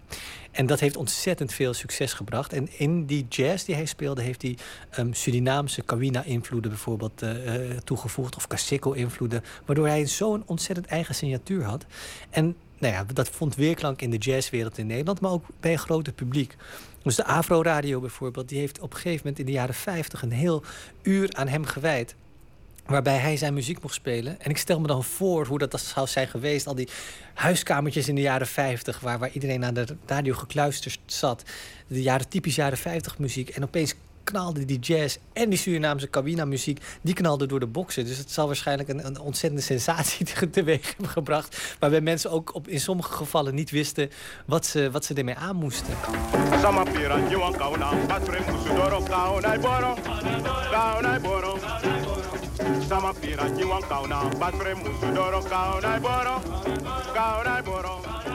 Ja, alles ging op zich goed tot de Tweede Wereldoorlog. Tot eh, Amerika de oorlog verklaarde aan, Duitsland. En toen is het verboden geweest voor Su- Surinamers om jazz te spelen. En ehm, ja, goed, uiteindelijk hebben ze de oorlog wel, wel overleefd. Maar, maar ja, het biedt een schat aan, aan heel veel informatie. Na de oorlog is hij nog heel succesvol geweest. Totdat hij tragisch overleden is in Duitsland bij auto-ongeluk.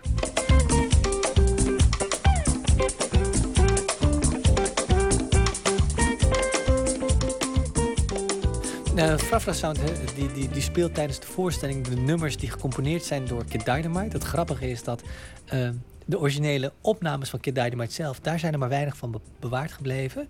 Maar van, eh, de, van de bladmuziek is nog heel veel overgebleven. Dus ook Frafra Sound heeft een, hun, eigen, hun eigen cd gemaakt met de muziek van, van Kid Dynamite. En, en ja, dat wordt van, van generatie op generatie doorgegeven.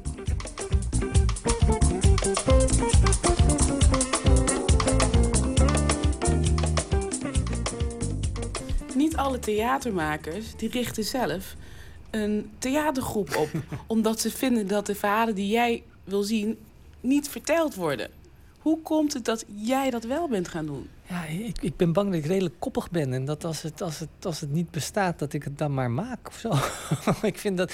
Ik, ik, ik, ik, ja, ik. Ik, nou ja, nee, ja, nee, dat heeft, ja, nee ik, weet, ik weet eigenlijk heel goed hoe dat komt. Ehm, toen ik afstudeerde, was er, was er opeens een, een hele discussie. Ten tijde van Rick van den Ploeg, die, die staatssecretaris was. En die vond dat het hele bestel opengebroken moest worden. Eh, en dat er, dat, er, dat er stukken gemaakt moesten worden voor mensen die niet regulier naar theater gingen. Daar was ik het op zich heel erg mee eens. Toen, toen heb ik eh, aan, aan een aantal debatten meege- meegewerkt. En heb ik, heb, ik, eh, heb, ik, heb ik gezien hoe dat, hoe, dat, hoe dat gesprek tot stand kwam. En wat ik toen ook zag, is dat er een aantal mensen waren die, die heel goed wisten hoe het moest. Maar die, die van de zijlijn steeds bleven zeggen hoe het moest. Maar het was heel lastig om die mensen in actie te laten komen. En om, om dan te laten zien hoe, hoe, hoe, hoe, hoe zij dat voor zich zagen. Of hoe het in praktijk zag. En nou, dat was terwijl ik afstudeerde. En toen bedacht ik me wel, ja, maar als je jezelf afhankelijk opstelt van anderen om, ehm, om jouw werk te verschaffen, om, om, of om de verhalen te vertellen die jij graag wil horen, dan, dan, dan, dan stel je heel kwetsbaar op. En ik, ik, ik hou niet van afhankelijkheid. Dus Jij wil niet afhankelijk zijn. Je wil niet, je niet kwetsbaar opstellen. ik wil me wel kwetsbaar opstellen, zeker wel. En ik, wil, ik weet dat ik afhankelijk ben. Ik ben al, je bent altijd afhankelijk van anderen. Ik ben afhankelijk van de mensen waarmee ik werk. Ik ben afhankelijk van theaters die, die me willen boeken. Ik ben van iedereen afhankelijk. Maar je moet de verantwoordelijkheid nemen. Als je vindt dat die verhalen nog niet verteld worden, dan kom ik er naar mezelf toe ook niet meer weg om dat te concluderen en vervolgens daar niks mee te doen. Als ze niet verteld worden, moet je zorgen dat je ze verteld worden. Als ze dan nog steeds niet verteld worden, dan moet je, dan, dan, dan, dan, dan, dan moet je niet zeuren. Eh, je, moet, je, moet je moet je eigen verantwoordelijkheid nemen en zorgen dat die verhalen verteld wo- worden. Mij is het spelen verboden en ook al zou ik nog zo mijn best doen, mijn huid krijg ik niet weer. Ah, In Nederland, in Utrecht, waar ik opgroeide, daar was ik op school altijd de enige bruine jongen. En toen ik opgroeide, merkte ik wel dat ik heel weinig van dit soort verhalen kende. Waardoor ik heel erg moest zoeken wat mijn wortels in de Nederlandse maatschappij waren. En dit soort verhalen zorgt voor, de, voor een grote worteling in, in deze Nederlandse maatschappij, waarbij ik me bewust ben dat ik ook aandeelhouder ben van deze maatschappij. Dus dat ik ook een bijdrage heb te leveren aan het verhaal van Nederland. Dat mijn voorouders dat ook al gedaan hebben. En dat mijn kinderen die ik heb, dat die dat ook zullen doen. En dat het een, een doorgaand verhaal is. Deze huidige politieke context kan het soms wel. Kan je soms afvragen, wat, wat is dan je plek? Er wordt heel erg in mijn gevoel ges- gesproken over Nederlanderschap, over, over Nederlandse cultuur, over, over ehm, hoe, deze maatschappij, hoe de Nederlandse maatschappij nu in, in elkaar zit. En regelmatig vraag ik me af, ja, maar wat is mijn eigen positie daarin? Hoe, welke positie wil ik zelf? Hoe wordt er naar mijn positie gekeken? En, en soms voel je je geïsoleerd of voel je niet altijd even, ja, dat klinkt heel zwaar nu, maar het voel je niet altijd even geaccepteerd. En denk je dat je hier als eenling in de maatschappij staat die tegen, of tegen een bierkaai moet vechten of die de boel niet, niet, niet, ontzettend ziet veranderen? Nou ja, nogmaals, en dat soort verhalen van Kid Dynamite, maar ook een ander verhaal dat we hebben gemaakt van Elisabeth Samson. D- dat zijn iconen die, die dezelfde processen hebben doorgemaakt. Waarbij je ziet dat de Nederlandse maatschappij eigenlijk altijd hetzelfde is geweest. Dat er altijd mensen zijn geweest die hebben moeten vechten. Of die hun positie hebben moeten bevechten. En dat, dat hoort bij, de, bij, bij elke maatschappij. En dat geeft mij wel weer moed om te, om te weten dat, dat het, eh, je positie vinden binnen de maatschappij is, is een universeel verhaal waar heel veel mensen doorheen moeten gaan. Wat van alle tijden is. Als je voor een dubbeltje geboren bent, bereik je nooit een kwartje. Je zei toen ik opgroeide, zag je niet genoeg rolmodellen hè, om je in te herkennen. Maar Is dat zo belangrijk? Ja, ik vind dat heel veel te maken heeft met als je klein bent en als je opgroeit met identificatie. En natuurlijk zijn er universele rolmodellen, mensen die zo ontzettend inspirerend en fantastisch zijn, dat, dat het niet uitmaakt waar ze vandaan komen of wat, wat hun verhaal is. Maar ik merk wel, als, als kind van, van, van, van immigranten, dan, dan moet je je eigen positie bepalen. En daarmee kan je je eigen geschiedenis niet vergeten. Maar ja, hoe past die eigen geschiedenis in een, in een, in een, in een maatschappij waar een, een andere cultuur dominant is? Een andere cu- cultuur dan die je van huis uit hebt meegekregen. En dan is het fijn om te zien hoe andere mensen dat gedaan hebben. En als je dan de televisie aanzet en je, je, je, je kan daar niet. Een, je ziet daar niet een icoon waar je aan op kon trekken. Of als, je, als, als die iconen niet makkelijk toegankelijk zijn, dan, dan is die zoektocht wat zwaarder dan die hoeft te zijn. En, en dat is eigenlijk wat ik bedoel. Waar, daarom vind ik voor, je, voor een ontwikkeling. En die ontwikkeling gaat altijd door. Die gaat bij mij nu nog steeds door. Voor ontwikkeling is het belangrijk om iconen te hebben. Om, alleen maar om je aan op te trekken. En al was het maar om soms te zien hoe het niet moet. Maar in af en toe is het fijn om te zien hoe hebben andere mensen het gedaan en wat kan ik er zelf van meenemen. Elke keer weer een gevecht om alles weer voor elkaar te krijgen. Het is niet makkelijk nu in de kunst en cultuur. Maar we gaan, ik ben ook nooit in de kunst en cultuur gestapt. Ik ben nooit theater gaan maken omdat het makkelijk is. Het is een, het is een drang die je voelt. En, het is, het is, het is, en dat klinkt heel cliché, maar het is wel echt zo. Het is, het is, het is een gevecht, maar een gedeelte van het gevecht is het werk. En dat is hetgene waar ik op de toneelschool niet voor klaar ben gestoomd. dat het zo hard werken was. Dat je moet vechten om de juiste omstandigheden te creëren om je werk te kunnen maken. En dat is, ik heb, ik heb in de, de, de, de universiteit waar ik zelf gestudeerd heb in Londen, daar geef ik nu ook les. En ik heb ook een, een, een tijdje les gegeven op de theaterschool hier in Amsterdam. En dat is wel iets wat ik, wat ik over probeer te brengen. Ehm, het werk is het werk, maar, maar, maar zorg ervoor dat je altijd je eigen verantwoordelijkheid neemt en keihard je eigen ambitie na blijft jagen. Maar dat betekent dus dat je niet op anderen af- kan schuiven en dat je, ehm, dat je zelf die verantwoordelijkheid moet grijpen en zelf keihard aan de slag moet zijn om de omstandigheden te creëren eh, waarop jij ideaal functioneert. Want anderen gaan het eigenlijk niet voor je doen. En dat, dat is wel wat ik gemerkt heb. Een beetje ondernemer passen gaan. Ik ben een ondernemer, dus ik pas me aan. Ja, achteraf voorspelt iedereen de juiste toekomst. Als we kijken naar alle voorstellingen die je hebt gemaakt met Urban Myth. Dus altijd gaat het om een maatschappelijk thema. Of het zijn onbekende verhalen. Bijvoorbeeld Elisabeth Samson, hè, een zwarte vrouw die zelf slaven hield. Of Kabel over de vijf voetballers in de jaren negentig. Maar ook bijvoorbeeld een voorstelling over Barack Obama en Michael Jackson. Rode draad lijkt te zijn in jouw werk dat het altijd mensen zijn die hun eigen ding doen. Hun eigen verantwoordelijkheid nemen. Of in ieder geval eigen gereid zijn. Klopt dit? Ja, ik- absoluut. Ik, ik vind het eigen gereide, eigenwijze mensen, daar, daar, daar, die inspireren me. Daar herken, ik mezelf misschien ook wel in. Eh, ik, wil, ik wil laten zien hoe je tegen de massa en tegen de stroom in kan, kan zwemmen. En hoe je als één ding soms een verandering teweeg kan brengen. En dat, dat, is, dat is wat me inspireert. Waarbij je niet eh, behoort tot, tot de grijze massa en je neerlegt bij de situatie zoals die is. Maar, maar, maar zelf eh, de situatie creëert die voor jou ideaal is.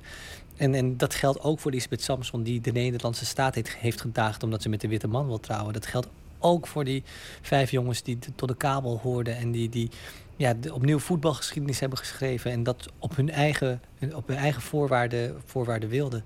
Maar ook Michael Jackson en Barack Obama. Hoe, hoe, hoe zijn zij door, eh, door alle, alle vooroordelen heen gebroken en, en hebben het voor elkaar gekregen om op hun eigen manier iconen te worden en mensen te inspireren. En welke slachtoffers hebben ze daarbij gemaakt en hoe hebben ze hun eigen identiteit daarbij soms verlogend. Identiteit daarin is ook heel erg belangrijk. Wie ben ik eigenlijk en waar sta ik voor? En durf ik daar heel erg voor te gaan of meet ik mezelf een, eigen, een andere identiteit aan die, die er wel voor zorgt dat ik krijg wat ik wil? En daar staat hij. Kid Dynamite. Mijn ontploffing in de storm. De slag is overwonnen.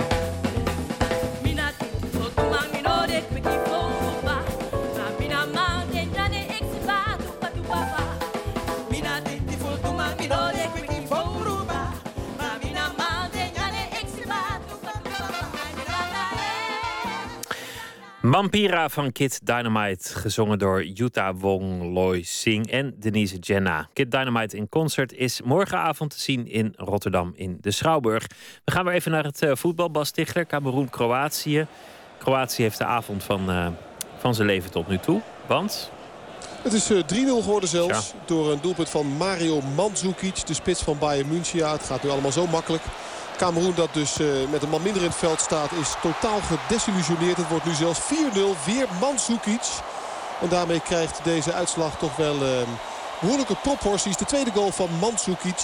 Dit keer reageert hij eigenlijk wat alerter dan de keeper en de verdedigers van Cameroen op een min of meer mislukt schot van Eduardo. Invaller aan de kant van Cameroen. Die bal die eh, gaat in de richting van het doel. De keeper redt, krijgt er nog een handje achter. Maar duwt de bal eigenlijk precies voor de voeten van Mandzukic. Die zeer alert reageert. En zo wordt het 0-4.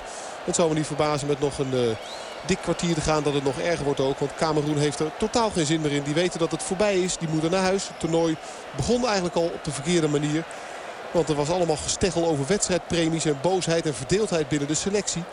En nu moet je eigenlijk na twee wedstrijden ook tot de conclusie komen dat dat eerder je, eh, laten we zeggen, van de regen in de drup geholpen heeft dan dat het ergens toe geleid heeft. Want eh, het oogt niet als een team.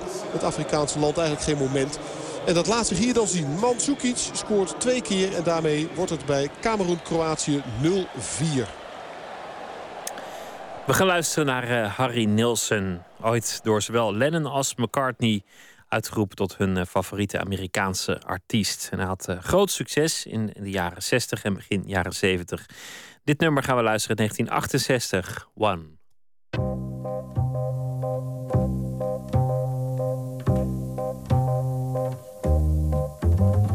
One is the loneliest number that you'll ever do.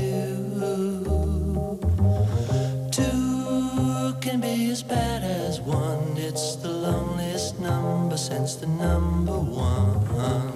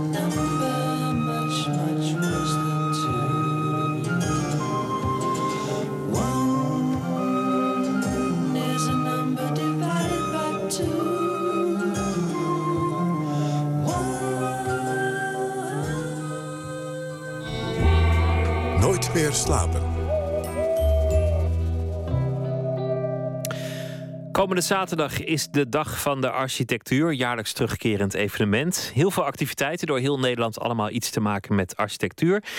Eén eh, bijeenkomst viel op in het Vlaams Cultuurhuis de Brakke Grond in Amsterdam. Waar op vrijdag, aan de vooravond dus van die dag, het verhaal wordt verteld van de sociale woonblokken in de Raboldwijk in Gent. Tim Verlaan is een van de sprekers. Hij is eh, als promovendus verbonden aan de Universiteit van Amsterdam. En hij doet onderzoek naar de stadsvernieuwing in de periode 1960-1980. Goeienacht, eh, Tim. Goedenavond, hallo, goeienacht. En eh, de, de onderzoeksgroep waar jij deel van uitmaakt, eh, die heet Field Architecture, mooie titel, stedenbouwkundig falen. Ja, klopt. Nee, dat is een, eh, ja? Ja, vertel. Het is een website inderdaad waar ik aan verbonden ben. En wij organiseren lezingen. Wij stellen eigenlijk ook vooral de vraag waarom ervaren bepaalde gebouwen als mislukt. En ja, door wie worden die gebouwen als mislukt ervaren? Het gaat natuurlijk om veel meer dan esthetiek. En dat is eigenlijk eh, ja, de dynamiek achter eh, gebouwen die als mislukt worden beschouwd... die we bij eh Field Architects dus centraal stellen. Het zijn er nogal wat, denk ik. Hè? Of, of hebben jullie toch nog wel een soort criterium wanneer jullie erkennen dat iets mislukt is? Ja, nou eigenlijk het criterium laten wij vooral aan ehm, ja, onze gasten over en aan onze eh, bezoekers van onze website.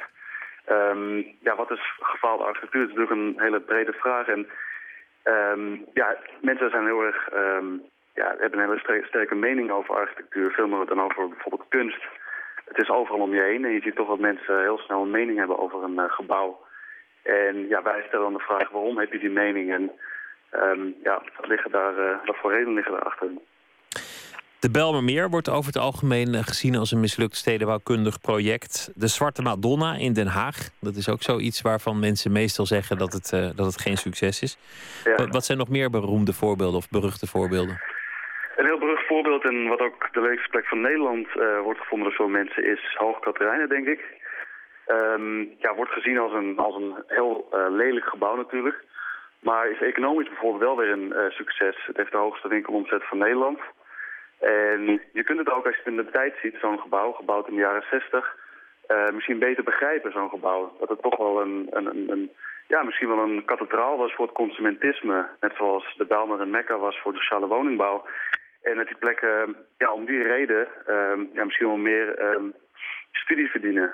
Meer ehm, ja, context eigenlijk. Is dat, is, dat ook het, is dat ook het recept voor een mislukking? Dat, de- dat de architect grote ambities heeft en er een soort utopisch ideaal aan het gebouw ten grondslag ligt?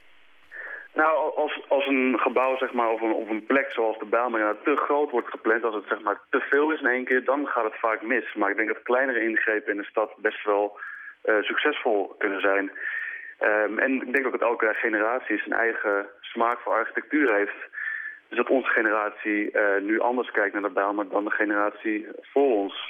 Net zoals dat de generatie voor ons de Pijp niks vond of de Jordaan niks vond in Amsterdam, de 19e wijken. En die op de slooplijst stonden, ehm, ja, vinden we nu de Bijlmer niks meer. Maar dat kan ook weer veranderen. Dat kan over twintig jaar misschien wel anders zijn. Ja, er is in Parijs eh, verzet geweest tegen de Eiffeltoren tot diep in de jaren dertig.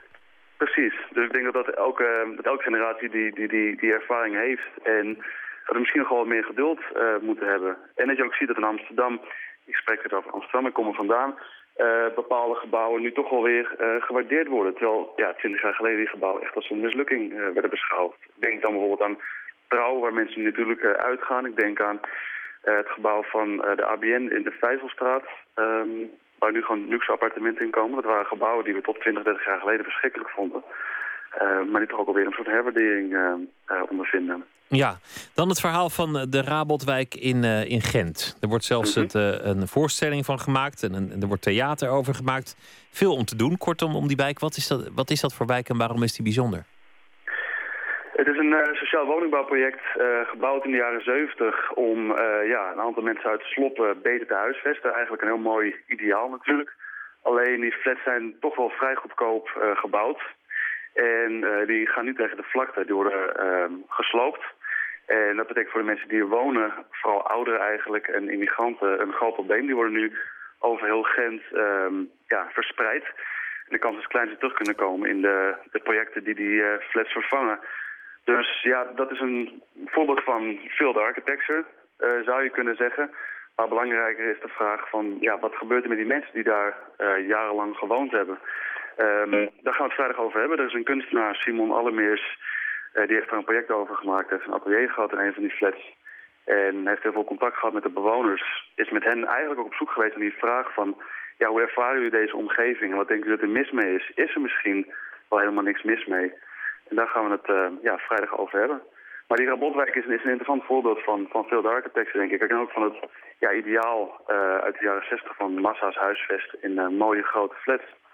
Is het ooit te voorkomen? Want hier zie je dan de dramatische gevolgen van mislukte architectuur. Maar kun je dat eigenlijk al als nou ja, opdrachtgever of als architect of stedenbouwkundige, kun je het voorkomen? Dat iets valt. Ja. Mm, ja, moeilijk te zeggen. Dat, dat denk ik niet. Ik denk dat elke tijd zijn eigen ja, blik heeft op architectuur en wat er wel en niet werkt. Dus wat we nu bouwen, Eiburg bijvoorbeeld, eh, lijkt nu langzamerhand ook op een mislukking eh, uit te lopen. En dat is twintig jaar geleden pas ontwikkeld. Dus ja, als historicus word je ook wel cynisch en denk je, mensen leren niet echt van de geschiedenis. En ja, dat zie je toch wel iedere keer ehm, eh, gebeuren. Het is heel moeilijk om in de toekomst te kijken en te zien eh, wat mensen over 20, 30 jaar eh, fijn vinden om eh, in te wonen of in te werken. En ja, het, het lijkt me dus heel moeilijk om, dat, om, om, om op die manier de toekomst te voorspellen eigenlijk als je iets gaat bouwen. Maar misschien kunnen we wel iets voorzichtiger zijn met wat we tot nu toe gebouwd hebben. En denken, nou, over een halve eeuw vinden mensen het wel fantastisch. Ja, ik, ik ben altijd gefascineerd door architecten op leeftijd van wie geen één gebouw nog staat. Er zijn er een aantal van. Dat is Ja. de, de ultieme verbittering, dat je levensprojecten allemaal door de sloophamer eh, onder handen zijn genomen. Ja, ja, nee, zeker. Nee, Duintje bijvoorbeeld, die de Nederlandse Bank heeft ontworpen in Amsterdam. En het AMC in Amsterdam. En nou ja, ook die, die, die ABM-bank. Die heeft laten vastleggen eh, dat de gebouwen die hij heeft ontworpen niet meer worden veranderd ehm, in de toekomst. Dus dat, hij zag het eigenlijk al aankomen, dat, dat, dat falen van zijn eh, architectuur. Ja, of Ja, dat rechtsgeldig is, als hij dat laat vastleggen. Mm, sorry? Of dat rechtsgeldig is, is een tweede. Ja, je kan Dat alles wel laten vastleggen. Ja, nee, zeker. Nee, waarschijnlijk eh, valt er van alles aan te veranderen, inderdaad. Aanstaande vrijdag in de Brakke Grond in Amsterdam. Dus het eh, ehm, nou ja, optreden en het symposium over de Rabotwijk in, eh, in Gent. Veel succes, Tim Verlaan, dankjewel. Dankjewel. En een goede nacht. En ik meld ook nog. even dat daar vrijdag in de Brakke Grond theatermaker en kunstenaar Simon Allermeers een voorstelling maakt over die wijk in Gent. Mary Gauthier groeide op in New Orleans, is geadopteerd, weggelopen van huis, heeft een eh, wild en laveloos leven ge- geleid. Dakloos is geweest, junk. Kok is ze ook geweest, een restaurant-eigenaar. Er waren ook hoogtepunten. En op 35-jarige leeftijd schreef ze ineens een liedje... en dat ging er wel ontzettend goed af. We draaien False From True. Jagged edges, broken parts. Where you end I start. Got so tangled up in you that I can't tell false from true. You woke up inside a cage. I woke up consumed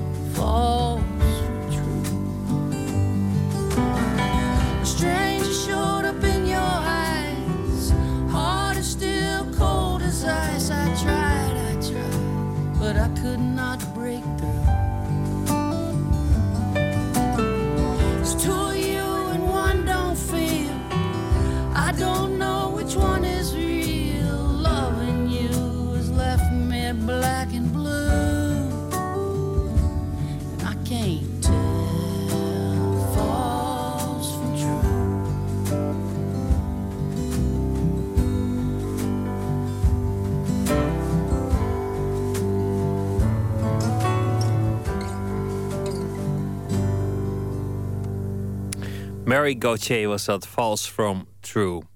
Cameroen, Kroatië. Bas Tichler die eh, kijkt nog steeds en doet verslag. Ja, het is eh, 0-4. We zitten in de slotfase van de wedstrijd. Voor de duidelijkheid, Kroatië staat dus voor met 4-0. Olic, Perisic en twee keer Mandzukic. Dat zijn de doelpuntenmakers. Vlak voor rust bij de stand van toen 0-1 was een rood voor Song die zomaar Mandzukic tegen de rug sloeg. Daarmee eigenlijk zijn eigen ploeg, zijn eigen land de das omdeed. Want vanaf dat moment gaat het nog maar één kant op. En nu in een counter kan het via Rebic, een van de invallers bij Kroatië, nog 0-5 worden ook. Hij laat de eer aan mensen die nog meekomen van achteruit. Dat is Rakitic in dit geval, maar die wil de bal met een stiftje over de doelman van Cameroen heen werken. Nou, dat lukt strikt genomen wel. Alleen stond de doel niet meer helemaal op de goede plek. Want de bal gaat er uiteindelijk net naast. Het had maar zo 0-5 kunnen zijn. Dat was geen gekke uitslag geweest ook. Want vanaf het moment zoals gezegd dat Cameroen met een man minder in het veld staat... gaat het eigenlijk maar één kant op. En is het Kroatië dat de klok slaat. Cameroen gedesillusioneerd. Cameroen heeft eigenlijk eh, in de hele tweede helft geen sjoegen meer gegeven. En heeft alleen maar uitgestraald dat het zo... Ja, dat het eigenlijk wilde dat het zo snel mogelijk voorbij zou zijn op deze avond in Manaus. Maar als je achter staat en als het allemaal niet loopt... en als het WK jouw toernooi niet blijkt... dan duurt het allemaal gevoelsmatig langer dan je wil. En het toernooi voor Cameroen is het dus nooit geweest. Ik vertelde al vooraf gesteggel over premies, boosheid. Zelfs later dan de bedoeling was in het vliegtuig gestapt. Terwijl nu bijna de eer nog wordt gered door Cameroen... en de bal via een kopstoot op de lat belandt. Dat is een kopstoot van Webo. Een invaller aan de kant van Cameroen. Speler van Fenerbahce. Er zit nog een hand aan van de keeper van Kroatië ook. Pletikosa, zo heeft hij in ieder geval nog wat te doen gehad in de tweede helft van de bal op de lat. En zo redt Cameroen zelfs de eer niet. Maar ze mogen dus na de wat verlaten arrivé in Brazilië toch ook weer vrij vroeg naar huis. En zou kunnen zeggen, ze besparen toch in ieder geval nog een beetje op de verblijfskosten. Want uh, dat zal toch niet heel erg duur geweest zijn voor die korte periode dat ze hier geweest zijn. Voor Cameroen is het uh, toernooi een nachtmerrie. Kroatië heeft alles nog in eigen hand en zal met Mexico normaal gesproken moeten uitvechten. Wie er in de slipstream van Brazilië doorgaat naar de volgende ronde. Want de Brazilianen op de tribune hebben ook gejuicht voor de overwinning van uh, Kroatië. Logisch omdat Cameroen nu uitgeschakeld is.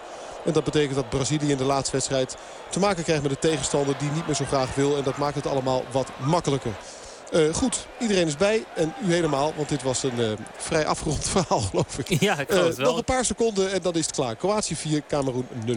Cameroen, ooit de trots van het Afrikaanse ja. voetbal.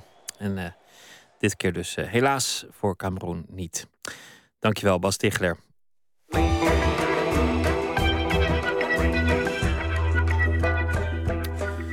Op Terschelling woedt deze dagen het jaarlijks Oerol Festival. 21 theaterpremières in bos, duin, schuren en stranden. Elke dag krijgt u verslag van onze verslaggever Botti Ellema. Met een theaterkaartje voor opmaat kan je zo naar zes verschillende oerolvoorstellingen. Je wordt over het hele eiland geleid en ziet dan zes nieuwe makers die nieuwe voorstellingen maken op oerol. Die voorstellingen zullen ook op Over het Ei te zien zijn, want er is een traject. Een traject dat Atelier Oerol Over het Ei heet. En daarin worden die nieuwe makers begeleid in het maken van theater op locatie.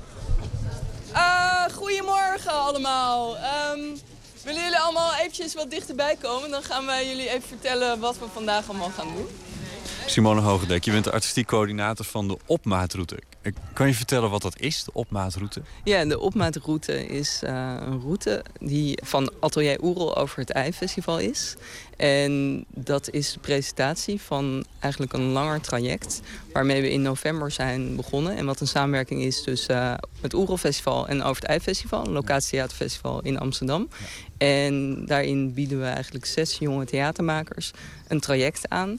waarin ze hun uh, persoonlijke visie op werken op locatie en in het landschap kunnen ontwikkelen. Ja. Wat doe je dan precies bij hen?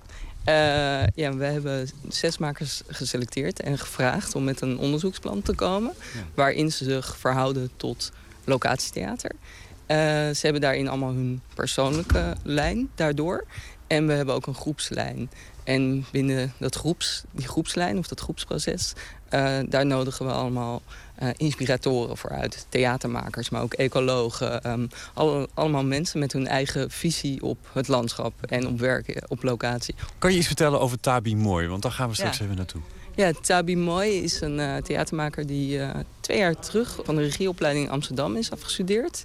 En zij, haar afstudeervoorstelling was al een locatieproject. En sindsdien uh, wil, ja, is ze eigenlijk bezig met haar onderzoek op locatie. Waarin ze eigenlijk verschillende elementen wil samenbrengen. Dat is voor haar eh, muziek, locatie, eh, spel en beeld. Dus haar grote onderzoek is hoe zij de juiste balans binnen haar eh, hier binnen kan vinden. En dit wilde zij doen aan de hand van eh, het leven van Wil Spoor. En Wil Spoor is een oude eh memespeler. Die echt de grondlegger van de meme zo'n beetje is. Hij is 87 geloof ik. Hè? nee, hij is, oh ik moet het nu goed zeggen, 85. Ja, 85, check het zo oh. nog bij timing. 85. En zij heeft eigenlijk zijn leven als basis genomen voor het verhaal of voor de schets die zij nu gaat laten zien. Dus voor nu veel plezier. En route B vertrekt. Nu. En welke route u heeft, staat op uw lunchpakketje. Joop Mulder, we zitten bij het kantoor van, eh, van Oerol.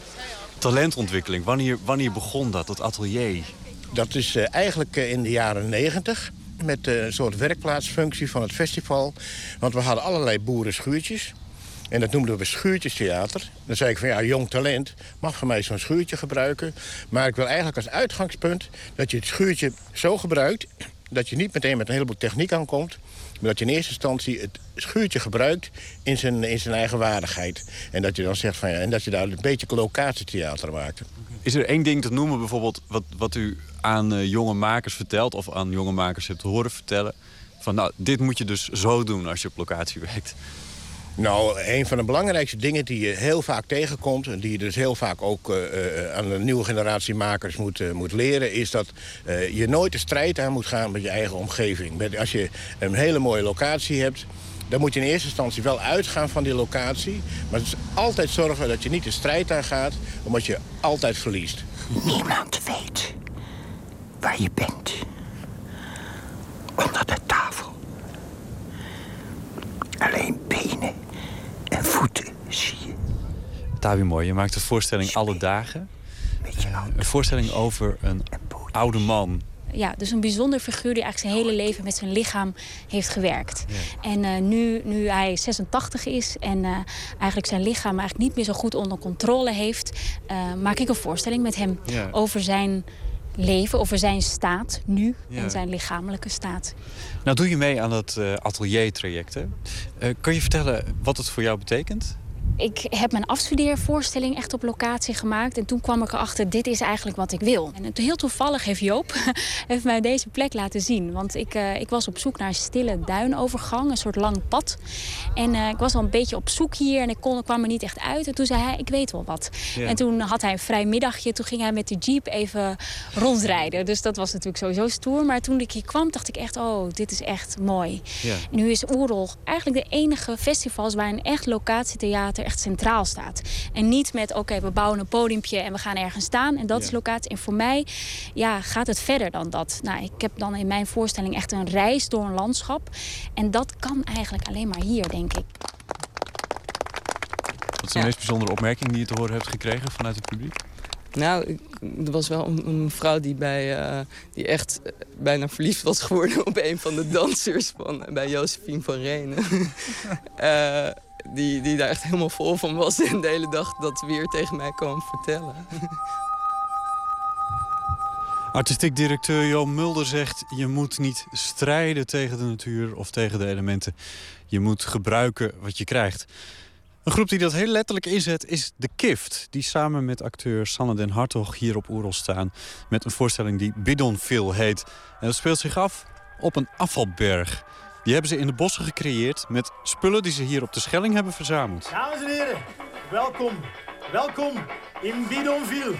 Ferry, als je deze plek nou zou moeten beschrijven aan iemand die het niet heeft gezien... wat zou je dan zeggen? Dat het eruit ziet als een echte vuilnisbelt. Zoals je hem eh, vroeger eh, wel eh, op meerdere plekken in Nederland had. Eh, tegenwoordig gaat alles naar de vuilverbranding. Maar vroeger werd natuurlijk alles gestort. En eh, ja, eigenlijk alleen de meeuwen ontbreken. Koelkasten, veel plastic tasjes, oude elektrische apparaten. Het komt allemaal van het eiland af, hè? Ja, de meeste apparaten wel. Die, eh, de doeken, zeg maar, het zijn geprepareerde doeken... waar al die plastic tas- tasjes op vastgeplakt zitten. Die heeft eh, Alexander eh, op de wal eh, gemaakt. Niks, niks kan wegwaaien, dus eh, het is een sport om hier alles weer eh, smetteloos achter te laten. Ik denk van, deze hier, die pak ik. En ik wil hem net op zijn moeder beschamende kop klappen. Sjoep! Speert me er zo een andere voorbij. Sjoep! En ik schrik me de rimram.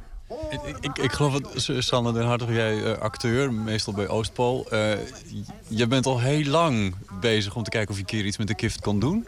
Klopt dat? Ik eh, was al langer fan van de Kift en eh, toen nodigde ik Ferry uit bij voorstellingen waar ik eh, in speelde. En zo raakten we aan de praat en eh, kwam het idee om samen iets te doen, ja. En toen was vervolgens dan de stap, wat gaan we dan doen? En dan is het de grote kunst om, eh, om die twee eh, werelden bij elkaar te krijgen in een voorstelling die wel één iets is of zo. Snap je? Die theater en die muziekwereld. Dat het niet, nu gaan we een stukje praten en nu gaan we een stukje zingen wordt. Dat zou eh, jammer zijn. En ik heb het idee dat dat gelukt is. Niet in de laatste plaats door de locatie die, die zo dwingend is. En, Wat is er dwingend aan deze locatie? Ja, dat, dat volgens mij wat je ook doet... gaat in het licht staan van die treurige plek waar die mensen leven. Dus we spelen zes mensen die hier in principe wonen. En eh, ook als je een, een mooie herinnering vertelt... dan komt die in een ander daglicht te staan... omdat je het vertelt in een erbarmelijke situatie. Dus we hebben heel lang in een eh, repetitielokaal eh, gewerkt... wat vrij klein was. En dan moest je zo voor je geestesoog maar zien dat het wel goed zou vallen zodra je op de locatie zou staan. En daarom was het te gek toen we dan eh, vijf dagen voor de première hier kwamen en die eh, plek er zo geweldig bij lag. Dat het toen allemaal in elkaar begon te vallen. En, eh, Dat het toen de juiste context kreeg en Ja, dus de toen, wrangheid kreeg die je zocht. tot die tijd vond ik het best spannend wat het nou zou worden. En zodra we hier gingen werken en die muziek hier gespeeld werd... en de teksten hier gedaan werden, viel het voor mij op zijn plek. Dus toen konden we heel snel bouwen. En, als in het opbouwen van die voorstelling. En eh, is het geworden tot waar het nu is, waar ik eh, heel blij mee ben. Ik maak net even wat lekkers klaar. Ik word een beetje moe van die knagers die me shit pikken. En ik blijf het ze zeggen, joh. Ze hoeven het niet te glippen. Vraag het me gewoon, weet je wel. Luister, piepvriend. Jij speelt Ralfie, een van de mensen die bloeit ja. op de bloeit op de vuilnisbelt. vuilnisbelt, ja, ja, ja. Wat je in ieder geval doet, is je spreekt een intelligent soort straattaal. Wat, wat, wat is het? Een leuke omschrijving. Intelligente straat. Ja, ik, ik heb een eh, eh, documentaire over eh, New Yorkse zwervers die in een eh, metrotunnel leven. Dark Days heet die eh, eh, documentaire. Daar heb ik ehm, samen met Ferry monologen uitgehaald en eh, die eh, een soort Nederlandse equivalent gegeven. Omdat die jongens in een hele leuke, swingende slang spreken. En eh, het leek me leuk om te proberen of daar ook een, Nederlandse variant van te maken is. En het geeft veel vrijheid om eh, nieuwe woorden samen te stellen en zo. Dus dat vond ik heel leuk om te doen. En juist met de muziek van de zinnen bezig te zijn. Hoe een zin kan lopen. Zonder dat die per se helemaal in een eh, metrum terechtkomt of zo. Goed als nieuw, jongen, eerlijk. Je gaat lijp worden. Als je ziet wat ik hier opduik. En weer verkoop, man, serieus. En voor een harde munt ook nog. Ja, en wat, wat ik een belangrijk onderdeel vind, is ook dat er, dat er in die tekst ook gewoon goede humor zit. Hè, ook die jongens die, die, die wonen er echt in die tunnel. Dus dat is eigenlijk helemaal niet grappig. Nee. Ehm, maar ondanks dat ze daar zo in zo'n deplorabele toestand leven, eh, zijn ze wel, nou, bijna allemaal hebben allemaal iets, nou, iets, iets grappigs. Een soort, eh, soort goede moed of zo. Eh, ze ge- gebruiken de humor. Om, ja, dat, dat werkt voor mij althans ook. Dat houdt ze ook een beetje op de been. En dat, eh, en dat is bij Ralphie eigenlijk. En in deze voorstelling vind ik dat ook heel belangrijk. Dat de teksten zijn af en toe wel, wel zwaar of serieus. Maar die gaan, ja, ze gaan dan over waar we hier met z'n allen naartoe gaan met deze wereld. Hè, en alle vervuiling, dat kun je tenminste zo zou je het kunnen zien. En daar, eh, dat, is natuurlijk, dat is allemaal niet zo best natuurlijk. Maar ehm, ja, ik vind dat Ralfie daar een, een- gewoon een mooie tegen, tegentoon eh, aan geeft. Ja. ja. Ik zet hem even in elkaar. Kom ik hier weer terug. En verkoop hem aan jou. Voor vijf. Ik kom hier terug. En dan is hij van jou. Voor vijf. Tot zo. Met je, met je recycle rap. Wat, wat is het ook weer? Je- Overal zit wat geld in. Onder andere harde munten. Hij gaat harde munten maken, ja. ja dus alles wat hij vindt, eh, kan hij doorverkopen. En eh, een soort eh smeuïge attitude hebben zij allemaal. Gaat hij dat zo, gaan ze dat tentoonspreiden. Dat, vind ik, dat vond ik heel inspirerend. Dat je dan... In die, in, die, in die tunnel zijn ze dan bijvoorbeeld bezig met het timmeren van een, eh, van een ho- hok voor, voor hunzelf. Gewoon van, van zwerfspullen zoals hier, wij hier, nou, zo'n schutting. eh heb daar wel die, die sfeer een beetje. Maar omdat hij dat aan het doen is, zegt hij gewoon dat hij, een van die jongens, dat hij niet het gevoel heeft dat hij dakloos is. Maar als je dan ziet in wat voor situatie hij zit, hè, dat, hij dan, dat zegt dan een vriend van hem ook tegen hem, nou, als jij, als jij het gevoel hebt dat je, dat je niet dakloos bent eh, in deze situatie, dan, eh, dan is er iets is niet helemaal, dan ben je niet helemaal in de haak. Gewoon heb je het toch niet helemaal begrepen eh, in je achterhoofd. Dat was eh, Botte Jellema vanaf Oerol op Terschelling. Dit was Nooit meer slapen voor vannacht. Morgen zijn we er weer. Ik wens u een hele goede nacht. Op Radio 1, het nieuws van alle kanten.